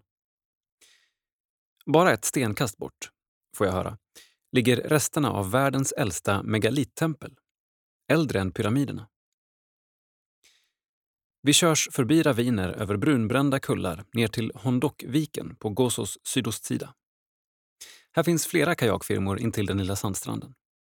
Kajakerna ligger på rad och väntar på sin slott för att släppas ut i det ljumma havet. precis som på en flygplats. När det väl är vår tur och instruktören gått igenom säkerhetschecken börjar äventyret. De turkosa vågorna känns gropiga jämfört med svenska vatten, trots att det är en lugn dag utan vind. Vi tar kurs mot Komino, men styr undan från den populära Blå lagunen. Det är alldeles för mycket folk där så här dags på eftermiddagen, menar guiden Chris från Sydafrika. Han kom till ön för några år sedan och bestämde sig att stanna. Han var en av många vi mötte som av olika anledningar fastnat på öarna. Han för oss in i en smal ränna mellan vassa klippväggar. Klipporna är taggiga, inte alls som de runda hällarna hemmavid. Ensamma hade vi aldrig fått för oss att undersöka klippvärldens inre. Inte med en sjö som häver sig och faller och i hyrkajaker med dyra kolfiberpaddlar. Med andan i halsen paddlar och drar vi oss fram. Men Chris kan sin sak och rätt som det är tar vi oss ut igen och är på väg tillbaka mot Gåsås kust. På kvällen blir det beachball i Ramlaviken nedanför Calypsogrottan. Jag hade läst att sanden där Odysseus spolades upp var orangefärgad. Och minsann, den är både orange och behagligt varm mellan tårna. Vi får förstärkning av ett helt gäng ungdomar som är på lovsångskonferens i Beit Tehila i Ganiselem, ett ekumeniskt bönehus som startades för några år sedan av ett par från Marseille. Mikael och Cathy Real, som också är med i viken. De berättar om sin seglats med en 30-fotare runt hela Medelhavet och hur de avsatte tid och bad i varenda hamn. Inget under att de tre månader som de skulle varit ute i blev till 14. Under tidens gång fick de visionen att slå sig ner på Gozo, där Mikael har rötter långt tillbaka, och att bjuda in till en året runt bönevaka för Medelhavsländerna. Den som vill lägga tid i bön är välkommen att bo över i huset för en billig peng, inbjuder Kathy. Kanske en annan gång. Det som intresserar oss för stunden är seglatsen och stormarna på Medelhavet. Inte bara Odysseus båt bröts i spillror. Även Paulus led skeppsbrott under en höststorm. I Apostlagärningarna 27 och 28 beskrivs hur hans skepp förliste vid ön Melita. Det finns två öar i Medelhavet som gör anspråk på att vara Bibelns Melita. Malta och ön Miljet i Kroatien. Med tanke på strömningar och vindar, vad är troligast? För Mikael är det ingen tvekan om att det var på Malta som Paulus hamnade. Men inte i St. Paul's Bay och på St. Paulsön, som traditionen hävdar. Båten kan inte ha drivit dit, förklarar han. Det måste ha varit nära St. Thomas Bay, vid det farliga Muxnarrevet som Paulus skepp förliste. Där har dykare hittat ankare på exakt de djup som anges i Apostlagärningarna 27 och 28. Ett av dessa fyra ankare finns att beskåda i Citadellet i Victoria, Gozos huvudstad. Citadell låter spännande, så varför inte? Nästa dag blir det inte bara på Gigantilla, tempelruinen i Ixagra, som vittnar om en kultur som dog ut 2500 f.Kr. utan även nyare lämningar i Arkeologiska museet i Victoria. Men på museet vet de ingenting om ankare från Paulus skepp. Visst finns det romerska ankare i utställningen, men varifrån dessa kommer vet de inte. De tipsar oss om Marinmuseet i Valletta. Där borde ankaret finnas. Maltas katolska connection får vi en djupare förståelse för vid vårt besök i huvudstaden Valletta och konstigt nog just i Marinmuseet. Där finns en jättemodell av Malteserordens flaggskepp Santa Anna och av Santa Maria, krigsskeppet som på sin tid förde upp till 2000 beväpnade soldater, redo att anfalla muslimska flottor och försvara det katolska Europa. Det var Malteserorden, korsriddarna, som ställde och styrde på Malta under århundraden och satte sin prägel på ön. Precis som fenicier, greker, romare, araber och andra dessförinnan och engelsmännen därefter. Det araberna lämnade efter sig är språket. Maltesiska är ett semitiskt språk, därav de svåruttalade ortnamnen. Från romarrikets tid hittar man fortfarande ankare utmed Maltas kust. Som den halvt ton tunga bjässen från Egypten som vi stannar till och beundrar. Kan detta vara ankaret som dykare bärgade samma dag som Benediktus den XVI celebrerade sin första mässa som påve, 2005? Vi läste om det på internet. Det kallas för Benediktusankaret. Och Salina Bay, där det hittades, anses vara ytterligare ett alternativ för Paulus skeppsbrott. Utöver det traditionella och det som Mikael förespråkar. På museet står i stort sett inget alls om de utställda ankarna. Officiellt är det ju sedan länge fastlagt var den helige Paulus läste sin första mässa. Platsen var den allra första vi fick utpekad för oss. I taxin på väg från flygplatsen. Taxichauffören hade jobbat som ceremonimästare i katolska kyrkor i London, så han visste givetvis besked. Vi lämnar museivärlden för att återgå till havet. Här vid Valletta är vattnet otroligt ljusblått. Inget under att turister badar mitt i den historiska hamnen. Vi gör det bara nästan när vi vacklar ner i en av de små rangliga dgaisor, gondoler, som fungerar som vattentaxis. För motsvarande 30 svenska kronor körs vi genom hela hamnen förbi palats och fästningar. Vilken njutning att under soltaket, svalkad av havsbrisen, gunga fram på det turkosa vattnet. Så vi bestämmer oss för att förlänga färden genom att tinga Gaisan för en rundtur. Båtturen och turen med en vanlig stadsbuss upp och ner i den gamla staden blev nästan det roligaste på vår lilla solsemester. Kanske just för att jag timmarna innan hade vistats på en plats dit solen aldrig når. Dödsriket.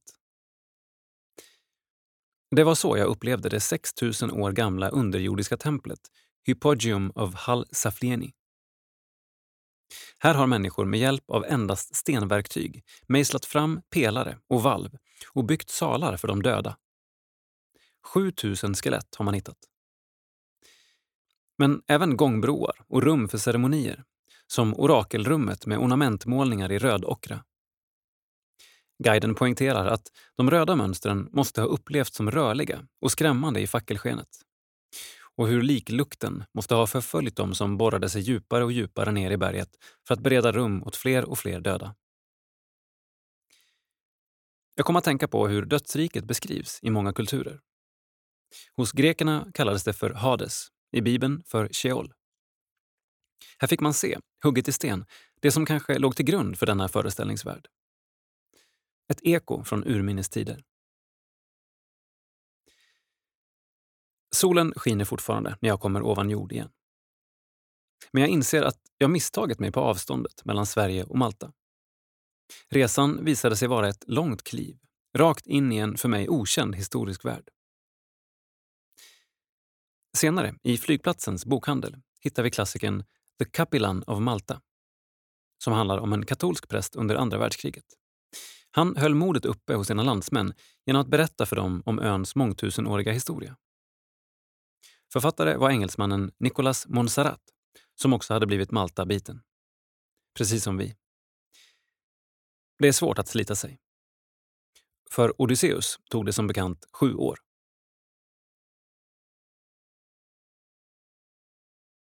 Sida 50.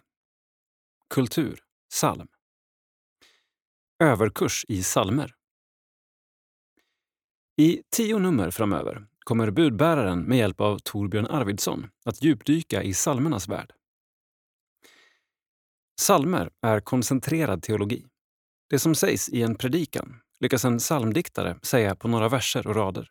Det gör mig väldigt fascinerad, säger han. Intresset för salmer har alltid funnits nära till hands för den numera pensionerade EFS-prästen Torbjörn Arvidsson. Jag uppskattar verkligen den skatt som finns i psalmboken.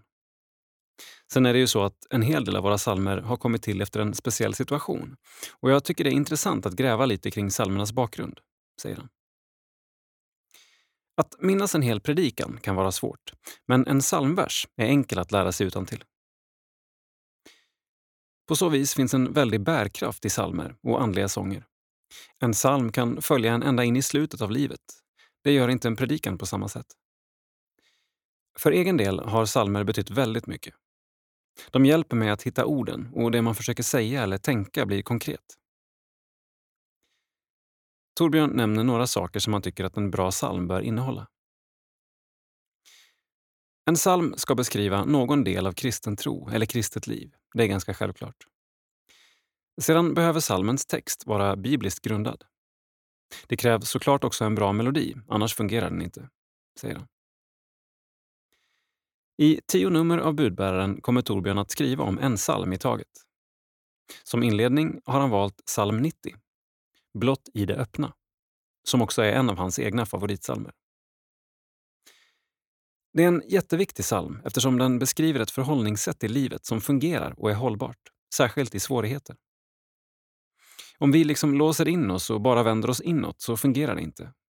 Vägen framåt är att följa det som står i psalm 90.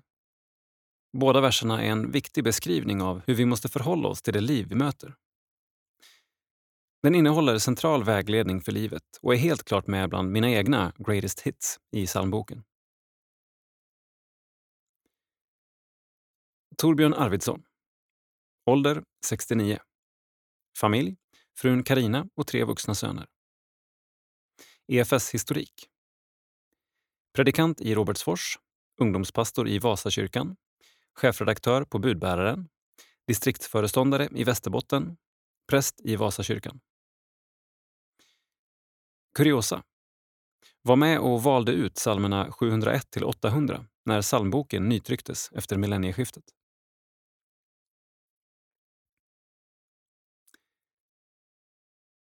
Nittio. Blott i det öppna.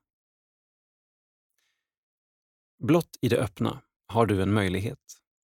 Låser du om dig kvävs och förtvinar du. Ut i det fria ska du med Herren gå. Kraften fullkomnas mitt i din svaghet då. Leva i världen, omvänd till verklighet. Vänd mot Guds framtid, följd av hans trofasthet. Mörkret du möter aldrig i ensamhet. Blott i det öppna ligger din möjlighet. En ny psalm i 1986 års psalmbok, som snabbt blev en av de mest uppskattade, är Blott i det öppna, psalm 90.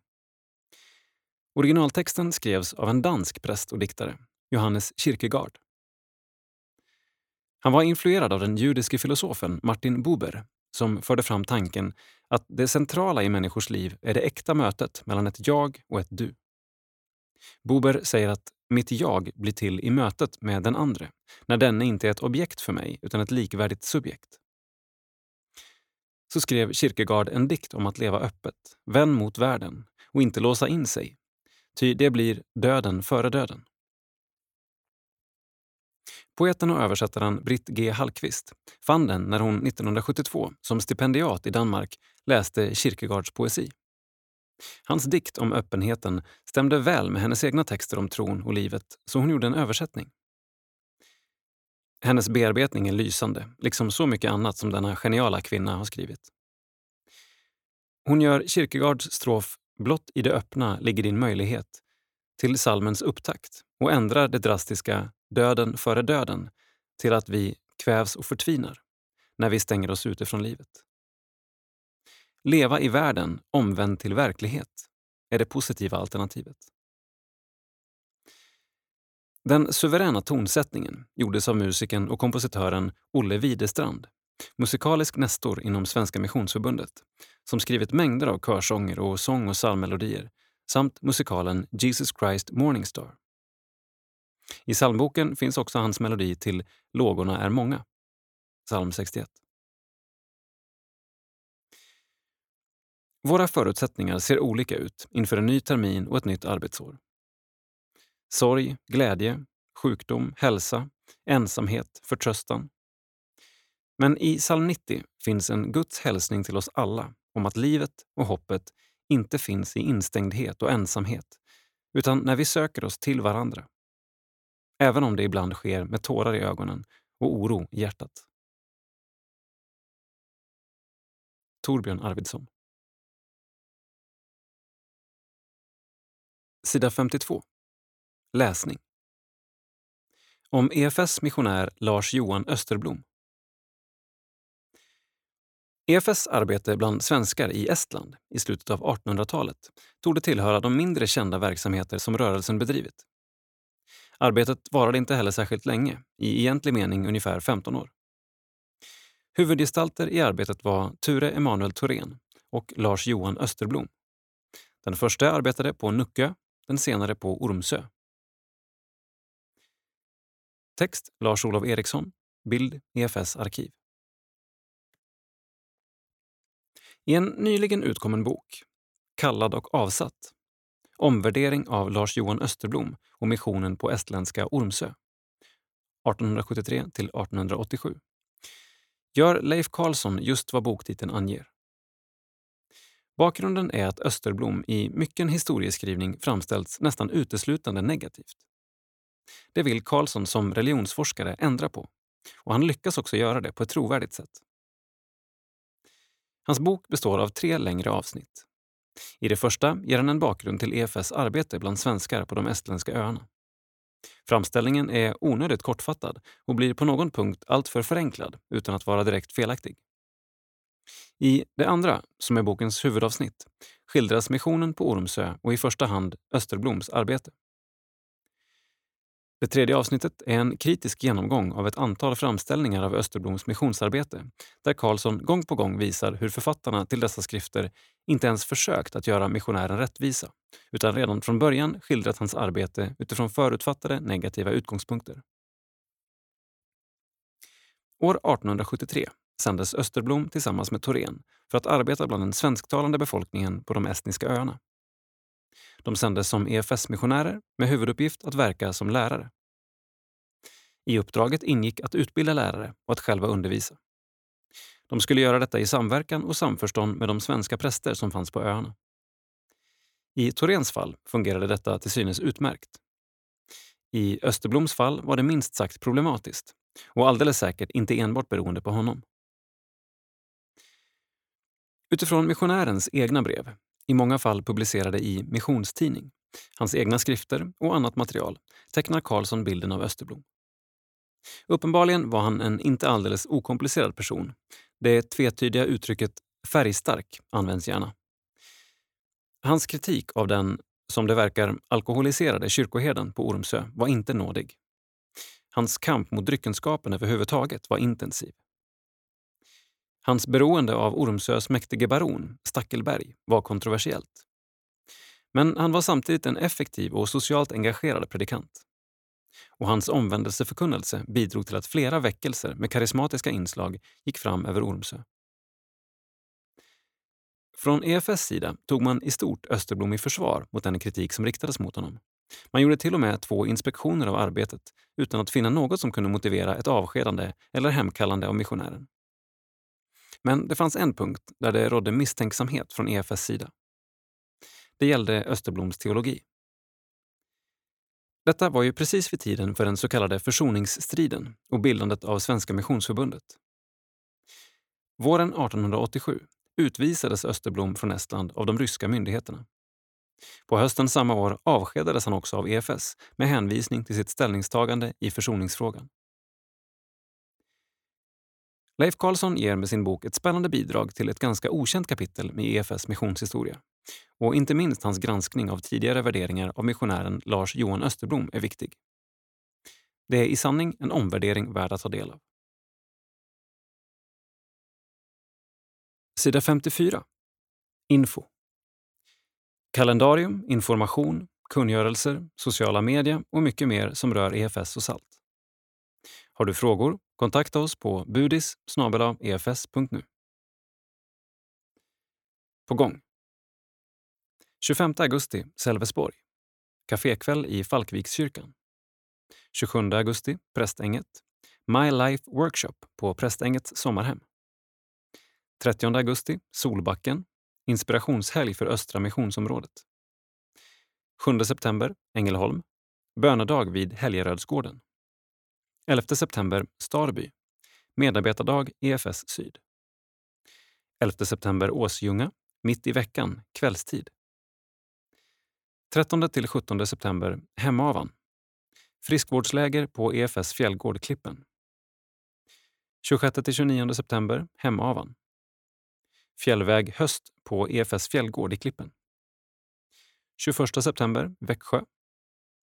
Se, jag gör allting nytt Inspirationsdag i Växjö domkyrka. Missa inget. Följ EFS på sociala medier för senaste nytt i rörelsen.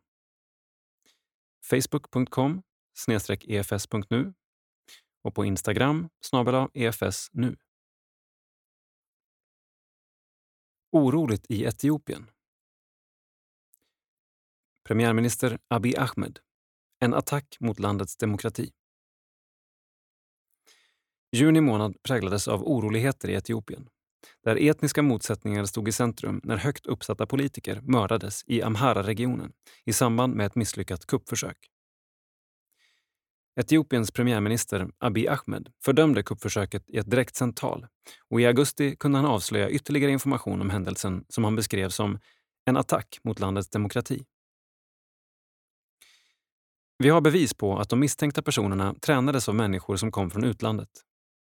Det fanns en plan för att mörda andra tjänstemän och generaler, säger Etiopiens premiärminister Abiy Ahmed i etiopisk media. Han utvecklade ytterligare med att säga att motivet var att tysta röster och motverka demokratin som håller på att utvecklas i landet. Ahmed stod däremot fast vid att maktskiften och övergångar kommer och att det ska ske på ett demokratiskt vis. Detta har hänt. Amharas regionala president Ambachav Mekonnen och hans rådgivare sköts till döds i samband med ett kuppförsök i Amhara-regionen Bahir Dar lördagen 22 juni. På annat håll mördades Etiopiens arméstabschef Seare Mekonnen av sin livvakt i sitt hem i Addis Abeba. Händelserna sägs vara länkade till varandra och den etiopiska regeringen rapporterade att Amhara-regionens säkerhetschef, tillika misstänkt kuppledare, Asamine Tsige, sköts till döds av etiopisk polis. Asamine Tsige var Amhara-general och satt tidigare fängslad för att ha lett ett annat kuppförsök. Public service-bolaget EBC rapporterade även att Amhara-regionens justitieminister, Migbaru Kebede, dog i samband med kuppförsöket. Premiärministern Abiy Ahmed bekräftade nyheterna i ett nationellt uttalande och uppmanade det etiopiska folket att stå enade emot styrkor som försöker splittra landet. Dessa händelser kommer exakt ett år efter att en bomb detonerade under ett av premiärministerns offentliga framträdanden i huvudstaden Addis Abeba, bara månader efter att Ahmed kom till posten i april 2018. Attackerna sägs ha etniska motiv och är en konsekvens av folkets misstro till Amhara-regionens styre. I samband med kuppförsöket arresterades 350 män, varav 120 senare frikändes. Sida 57. Insamling. EFS godkända för skattereduktion. Nu är EFS Riks godkända som gåvomottagare för skattereducerande gåvor. Det går bara att få skattereduktion för gåvor till vissa ändamål. Kravet från Skatteverket är att gåvorna ska gå till social hjälpverksamhet eller vetenskaplig forskning. EFS har ett antal ändamål som räknas i kategorin social hjälpverksamhet. Exempel på skattereducerande ändamål.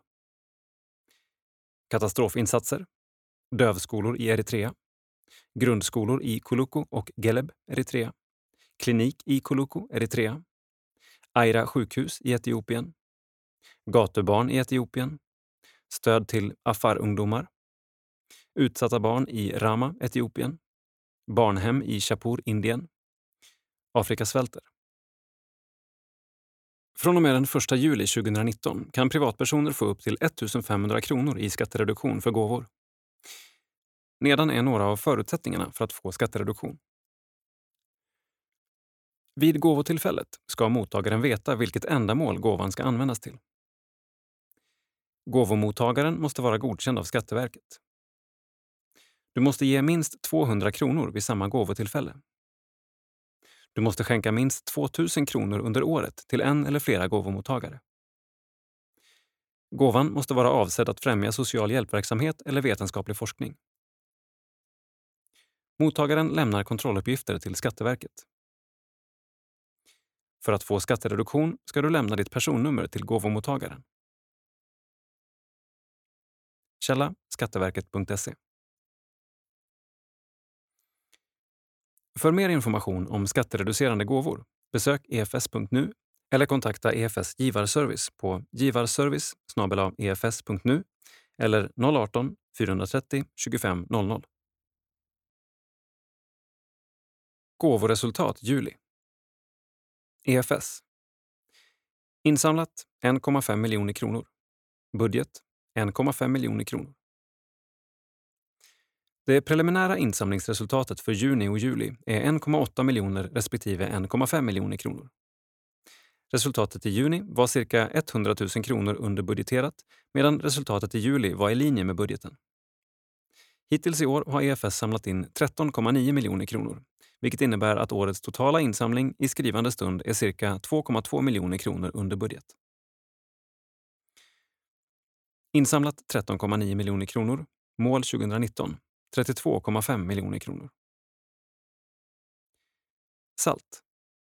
Insamlat 310 741 kronor. Mål 2019 1,1 miljoner kronor. Insamlingen till salt fortsätter ligga långt under budget. Förra året vid den här tiden hade mer än dubbelt så mycket inkommit i gåvor och då nådde vi precis fram till hela 2018 års budget. Vi har en lika offensiv budget att nå även i år. Hur mycket kan du ge för att stötta arbetet med barn och unga inom EFS och SALT? Utöver detta har det inkommit 578 000 kronor till SALT som en delad rikskollekt i Svenska kyrkan. Sida 58. Bial. Nya perspektiv för Henry i Indien. Tigerjakt, besök på akuten, skolinvikning och massor av nya smakupplevelser. Det blev en fartfylld resa för Henry Johansson när han följde med sin farbror Erik till Indien. Text och bild Jakob Arvidsson. I egenskap av brorson till EFS internationella missionssekreterare Erik Johansson följde Henry med till Indien i en dryg vecka runt midsommar.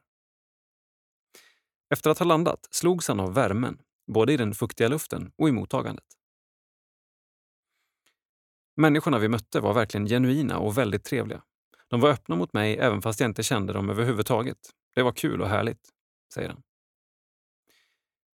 Redan andra dagen följde Henry med den nyfunne vännen Abidjet på en promenad som slutade dramatiskt. Vi gick upp på ett litet berg och där fanns det speciella träd som var väldigt bra klätterträd. Jag tycker det är väldigt kul att klättra, så jag klättrade upp snabbt. Tyvärr var det en elektrisk vajer i trädet som vi inte såg. Jag fick en elektrisk chock genom ryggen ut i vänster hand och tappade känseln i några sekunder, säger han och fortsätter. Jag hade väldigt tur i oturen och kunde repa mig ganska snabbt efter ett besök på akuten, säger han. Under resan fick Henry också vara med på den EFS-finansierade skolan Happy Valley Schools invigning av sina nya lokaler. Väldigt kul för eleverna att de har fått en bra skola. Jag tycker den verkade vara bra, även om klassrummen och deras skolbänkar var väldigt enkla jämfört med i Sverige. Just enkelheten och att sakna en del av bekvämligheterna hemma var delvis en utmaning för Henry. Jag saknar ibland att ha bra internet. Och jag är tacksam över min sköna säng hemma. Att det finns oändligt med vatten i kranen. Att man kan duscha varmt och att det nästan alltid finns något att göra med mina kompisar. Henry var också med på ett par gudstjänster och fick möta den indiska kyrkan. Kyrkan och gudstjänsten kändes ungefär som hemma faktiskt. Jag märkte ingen större skillnad förutom språket. I slutet av veckan gick resan över i en mer turistisk anda. Det var nämligen dags för tigersafari. Då bodde vi på ett hotell med pool där vi fick relaxa lite. Vi åkte på tigersafari två gånger och efter cirka en timme fick vi se den väldiga katten. Den gick bara några meter från bilen och vi var närmast av alla i ett led av bilar. Vi fick häftiga bilder och det var väldigt coolt att få se en tiger på så nära håll, säger han.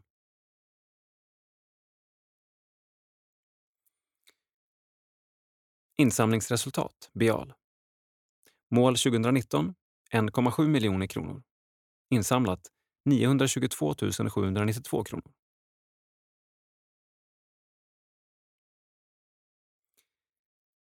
Kära återseenden på populärt läger.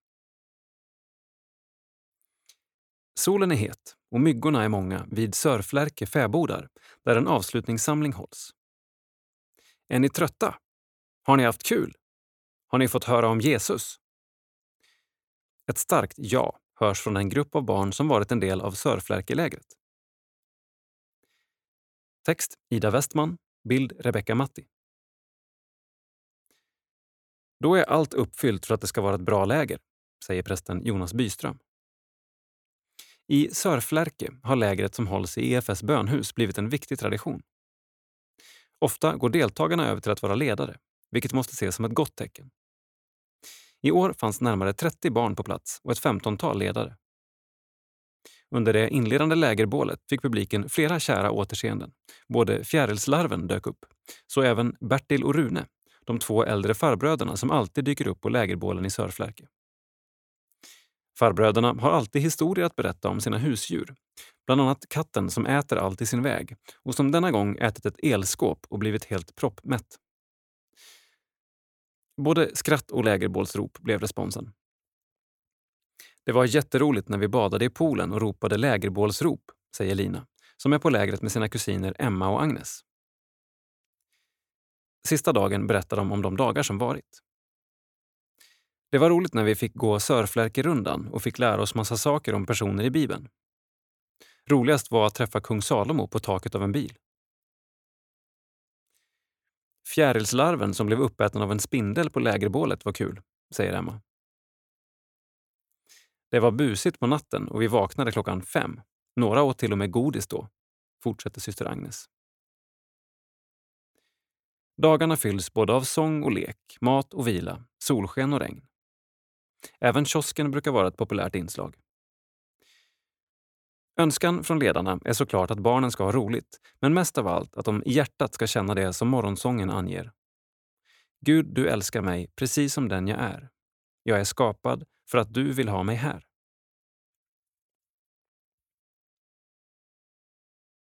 Kalender 30 augusti till 1 september.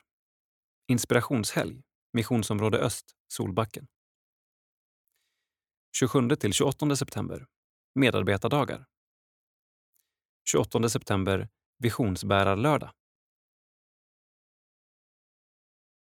Sida 61. Distrikt Mittnorrland. Flyktingars situation är på många håll ett öppet sår i svensk kristenhet. Persisktalande kristna har särskilt kommit i fokus då många inte får uppehållstillstånd i Sverige. Text Åsa Backlund. Bild privat. Välsignade möten. Att ha konverterat till kristendomen, att ha påverkats av ett västerländskt synsätt, att kanske också tala ett annat språk.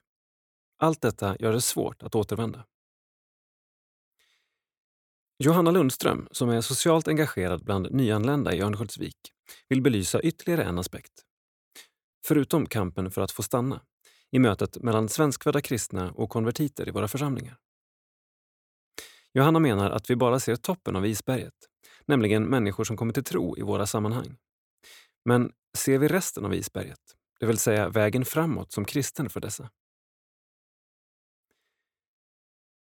Många har fått en visshet om den kristna trons äkthet och låtit döpa sig. Vi har en unik situation att sätta handling till vår tro genom att ta initiativ till kontakt, säger Johanna. Som församlingar har vi ett ansvar, menar Johanna. Framförallt efter dopet. Det behövs ett personligt engagemang och en medvetenhet om att dessa personer behöver vägledning i livet som kristen. Det behövs gemenskap, undervisning, lärjungaträning, helande och helgelseprocesser. Kristna ledare från den egna kulturen och det egna modersmålet kan vara till stor hjälp. De behöver också mycket stöttning i sitt ledarskap så att ingen slängs in i ett ledarskap för tidigt. Samtidigt som det vilar ett ansvar på församlingen är det en välsignelse att få vara del av människors förvandling när de kommer till tro på Jesus. För många av oss kan det vara en nyttig väckarklocka att få se hur tron tar sig uttryck hos människor med en helt annan bakgrund. Det kan också lära oss se och upptäcka vår egen tro på nytt.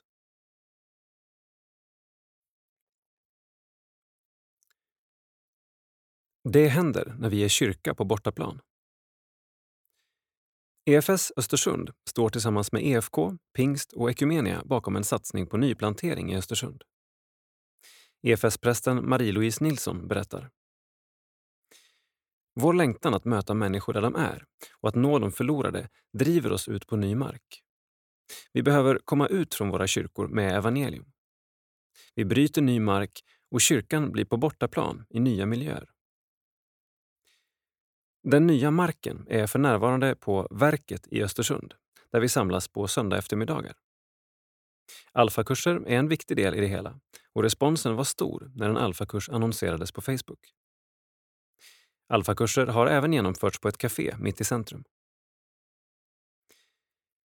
Det är spännande att vara på bortaplan, fortsätter Marie-Louise.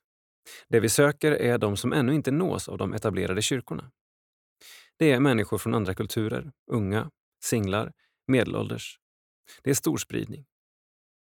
Människor nya i tron har många frågor som behöver ett svar. Det gör att vi själva fördjupas i vårt lärjungaskap. Vi välkomnar denna utmaning när människor möter Jesus. Det är så välsignat att få vara med i det här arbetet. Åsa Backlund. Sida 62. Distrikt Sydöstsverige. Missionsdag i Växjö. Den 21 september fyller vi åter Växjö domkyrka med lovsång, tillbedjan och spännande undervisning. Kom och låt dig inspireras och förvandlas tillsammans med syskon från hela regionen. Text Magnus Widholm, bild Rebecka Nelson. I år får vi besök av vår missionsföreståndare Kerstin Oderhem. Även EFS nyanställde inspiratör Magnus Persson kommer. Magnus är kanske mest känd för att ha varit med och byggt upp församlingen United i Malmö. Många minns säkert också hur han på 90-talet fyllde Globen i Stockholm med Rock the Globe. Skivaktuella Hope for this nation leder lovsången också den här gången.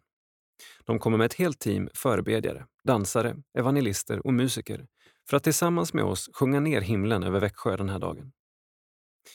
På eftermiddagen kommer de hålla lovsångsseminarium, särskilt för alla lovsångsteam, musiker och sångare. Andra från teamet håller ett evangelisationsspår med praktik på stadens gator. I kvällsmötet kommer Hans Weissbrott från Oasrörelsen att predika. Han leder även ett av seminarierna på eftermiddagen. För alla barn har vi i år ett särskilt program.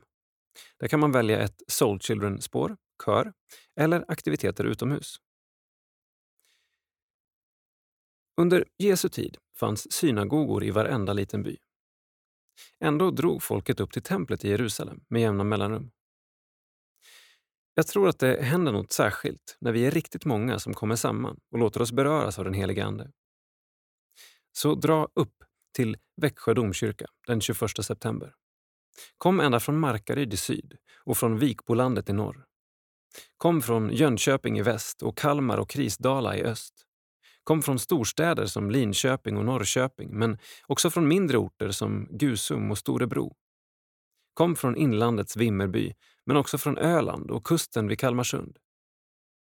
Kom och låt oss förvandlas genom förnyelsen av våra sinnen.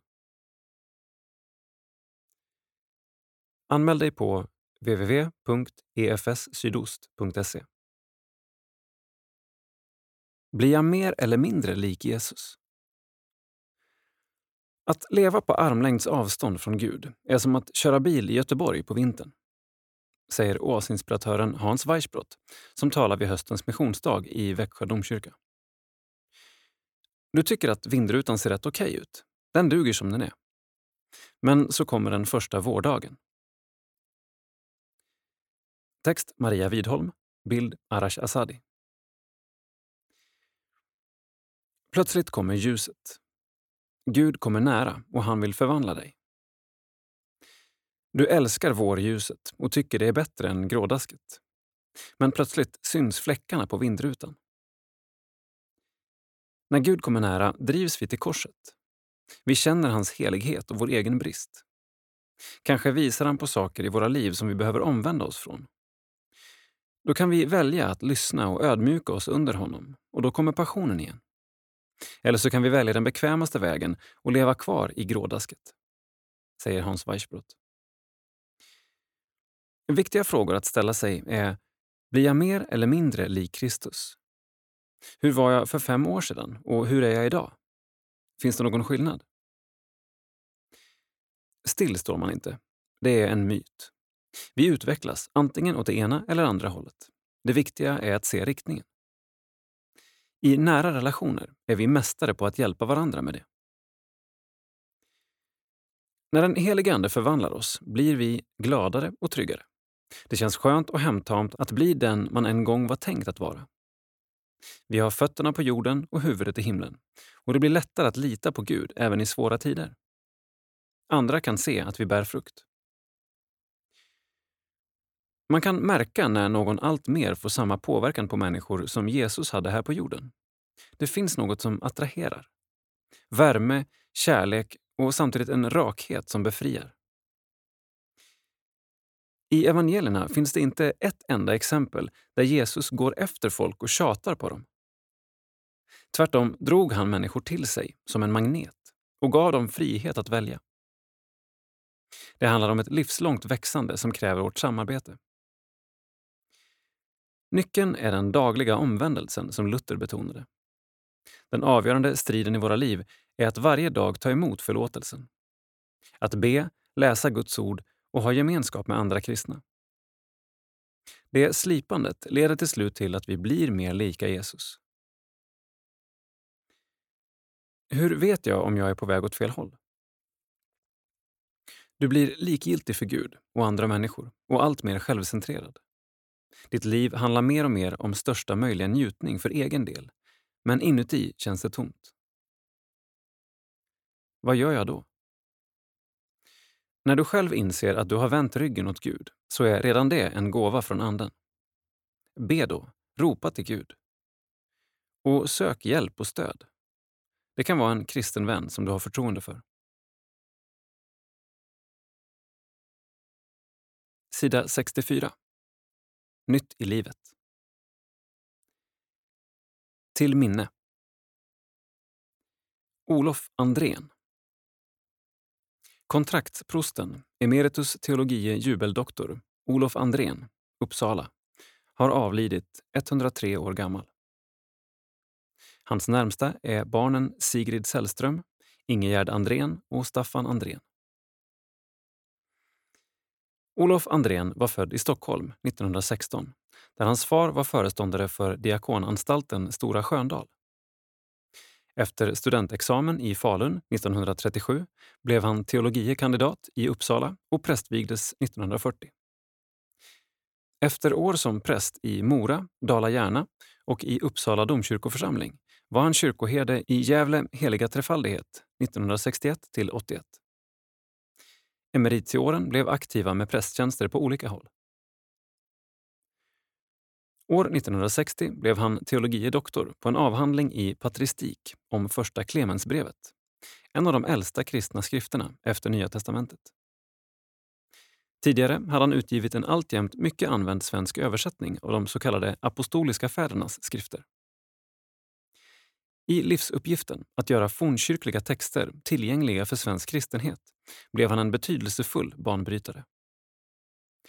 Under emeritieåren utgav han mer än 20 böcker med översättningar från grekiska av viktiga skrifter från de första århundradena och därutöver en rad tematiskt ordnade antologier. Vid 102 års ålder publicerade han sin sista översättning. 300-talsteologen Basileus den stores skrift om den helige Ande. Andrén var en ansedd församlingspräst välkänd inte bara som patristiker.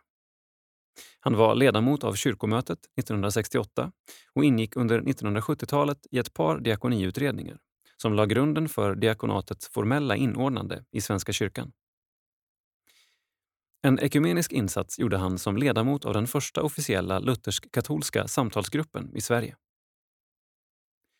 År 1975 presenterade den sin viktiga och alltjämt läsvärda rapport Äktenskap och familj i kristen belysning med förord av ärkebiskop Sundby och biskop Taylor. Senare kom ett motsvarande dokument om dop och kyrkotillhörighet och om biskopsämbetet. Som preses vid 1974 års prästmöte i Uppsala la Andrén fram en avhandling om kyrka och folkbildning i Sverige. Sedan 2015 var Olof Andrén senior kleri den äldste prästen i Svenska kyrkan. Sedan många år hade han sin söndagliga gudstjänstgemenskap i Sankt Ansgars kyrka i Uppsala. Där celebrerade och predikade han i högmässan ett par dagar före sin 100-årsdag 2016 och även ett år senare. När han fyllt 102 år nöjde han sig med att predika. Han förblev intellektuellt obruten och uppskattade kontakten med kanske 70 eller 80 år yngre studenter och teologer. Han blev äldst, men var en generationsöverskridande förmedlare av kyrkans klassiska tro och erfarenhet. Olof Bexell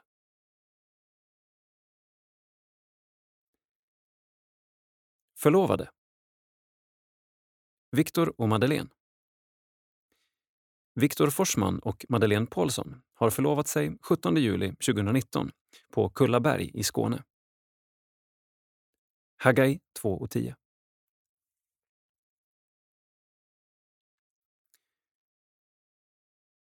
Hjälp mig att hitta hem i Sverige också. Från nästa år går jag i pension och behöver en bostad i Värmland. Kan någon tipsa mig om en liten och billig lägenhet?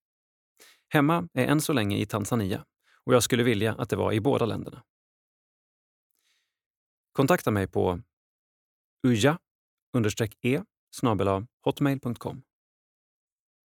Ulf Ekängen.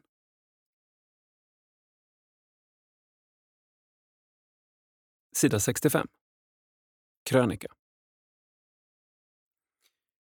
Amanda Vadian frågar sig varför det är så svårt att lämna det som hon lagt vid Jesu fötter. Låt Jesus bära allt. Så gick flyttlasset igen. Nu har jag under mitt vuxna liv flyttat fler gånger än du kan räkna med dina två händer. Det finns mycket som är jobbigt med flyttar. Saker ska packas ner och flyttstädning ska göras. Samtidigt finns det fördelar. Bohaget kan gås igenom, saker kan slängas, skänkas eller behållas. Jag hittar det som var glömt, uppskattar det som finns. Just den här flytten gick jag hårt åt min bokhylla. Det gjorde ont, men var nödvändigt. De utgallrade böckerna lades i en kasse och fick flytta vidare till Myrorna. Fast vänta, det var ju under flytten från Stockholm till Uppsala, förra flytten, som utgallringen av böcker skedde. Det innebar att jag inte alls kom till Myrorna för att dumpa böckerna som planerat, utan att jag tvärtom hade tagit med mig den otroligt tunga och otympliga bokpåsen även i nästa flytt. Tror ni jag muttrade åt mig själv uppför de tre långa trapporna upp till mitt nya hem? Under en bilfärd när jag som vanligt fulsjunger låtar högt för mig själv slår det mig att det här inte är något nytt i mitt liv. Jag gör nämligen samma sak med det som jag vill lämna till Jesus. Jag ber att han ska förvandla mitt hjärta, att jag ska få lämna mina bördor hos honom. Sedan tackar jag Jesus, ställer mig upp, samlar snabbt ihop röran jag ställt till med och fyller ryggsäcken med det som jag precis velat lämna ifrån mig. Precis som med bokkassen i mina flyttar. Frågorna hopar sig i mitt inre. Varför är det så svårt för mig att lämna det jag lagt vid Jesu fötter? Varför tror jag att det är bättre för mig att fortsätta bära dem? Tror jag att jag ska kunna avlasta Jesus, som redan bär allt? I nästa ögonblick far Bo Gertz in i tankarna. Han som ska ha sagt att den gamla människan dränktes i dopet, men det aset kan simma. En god sammanfattning av livet och den ständiga kampen, tänker jag för mig själv.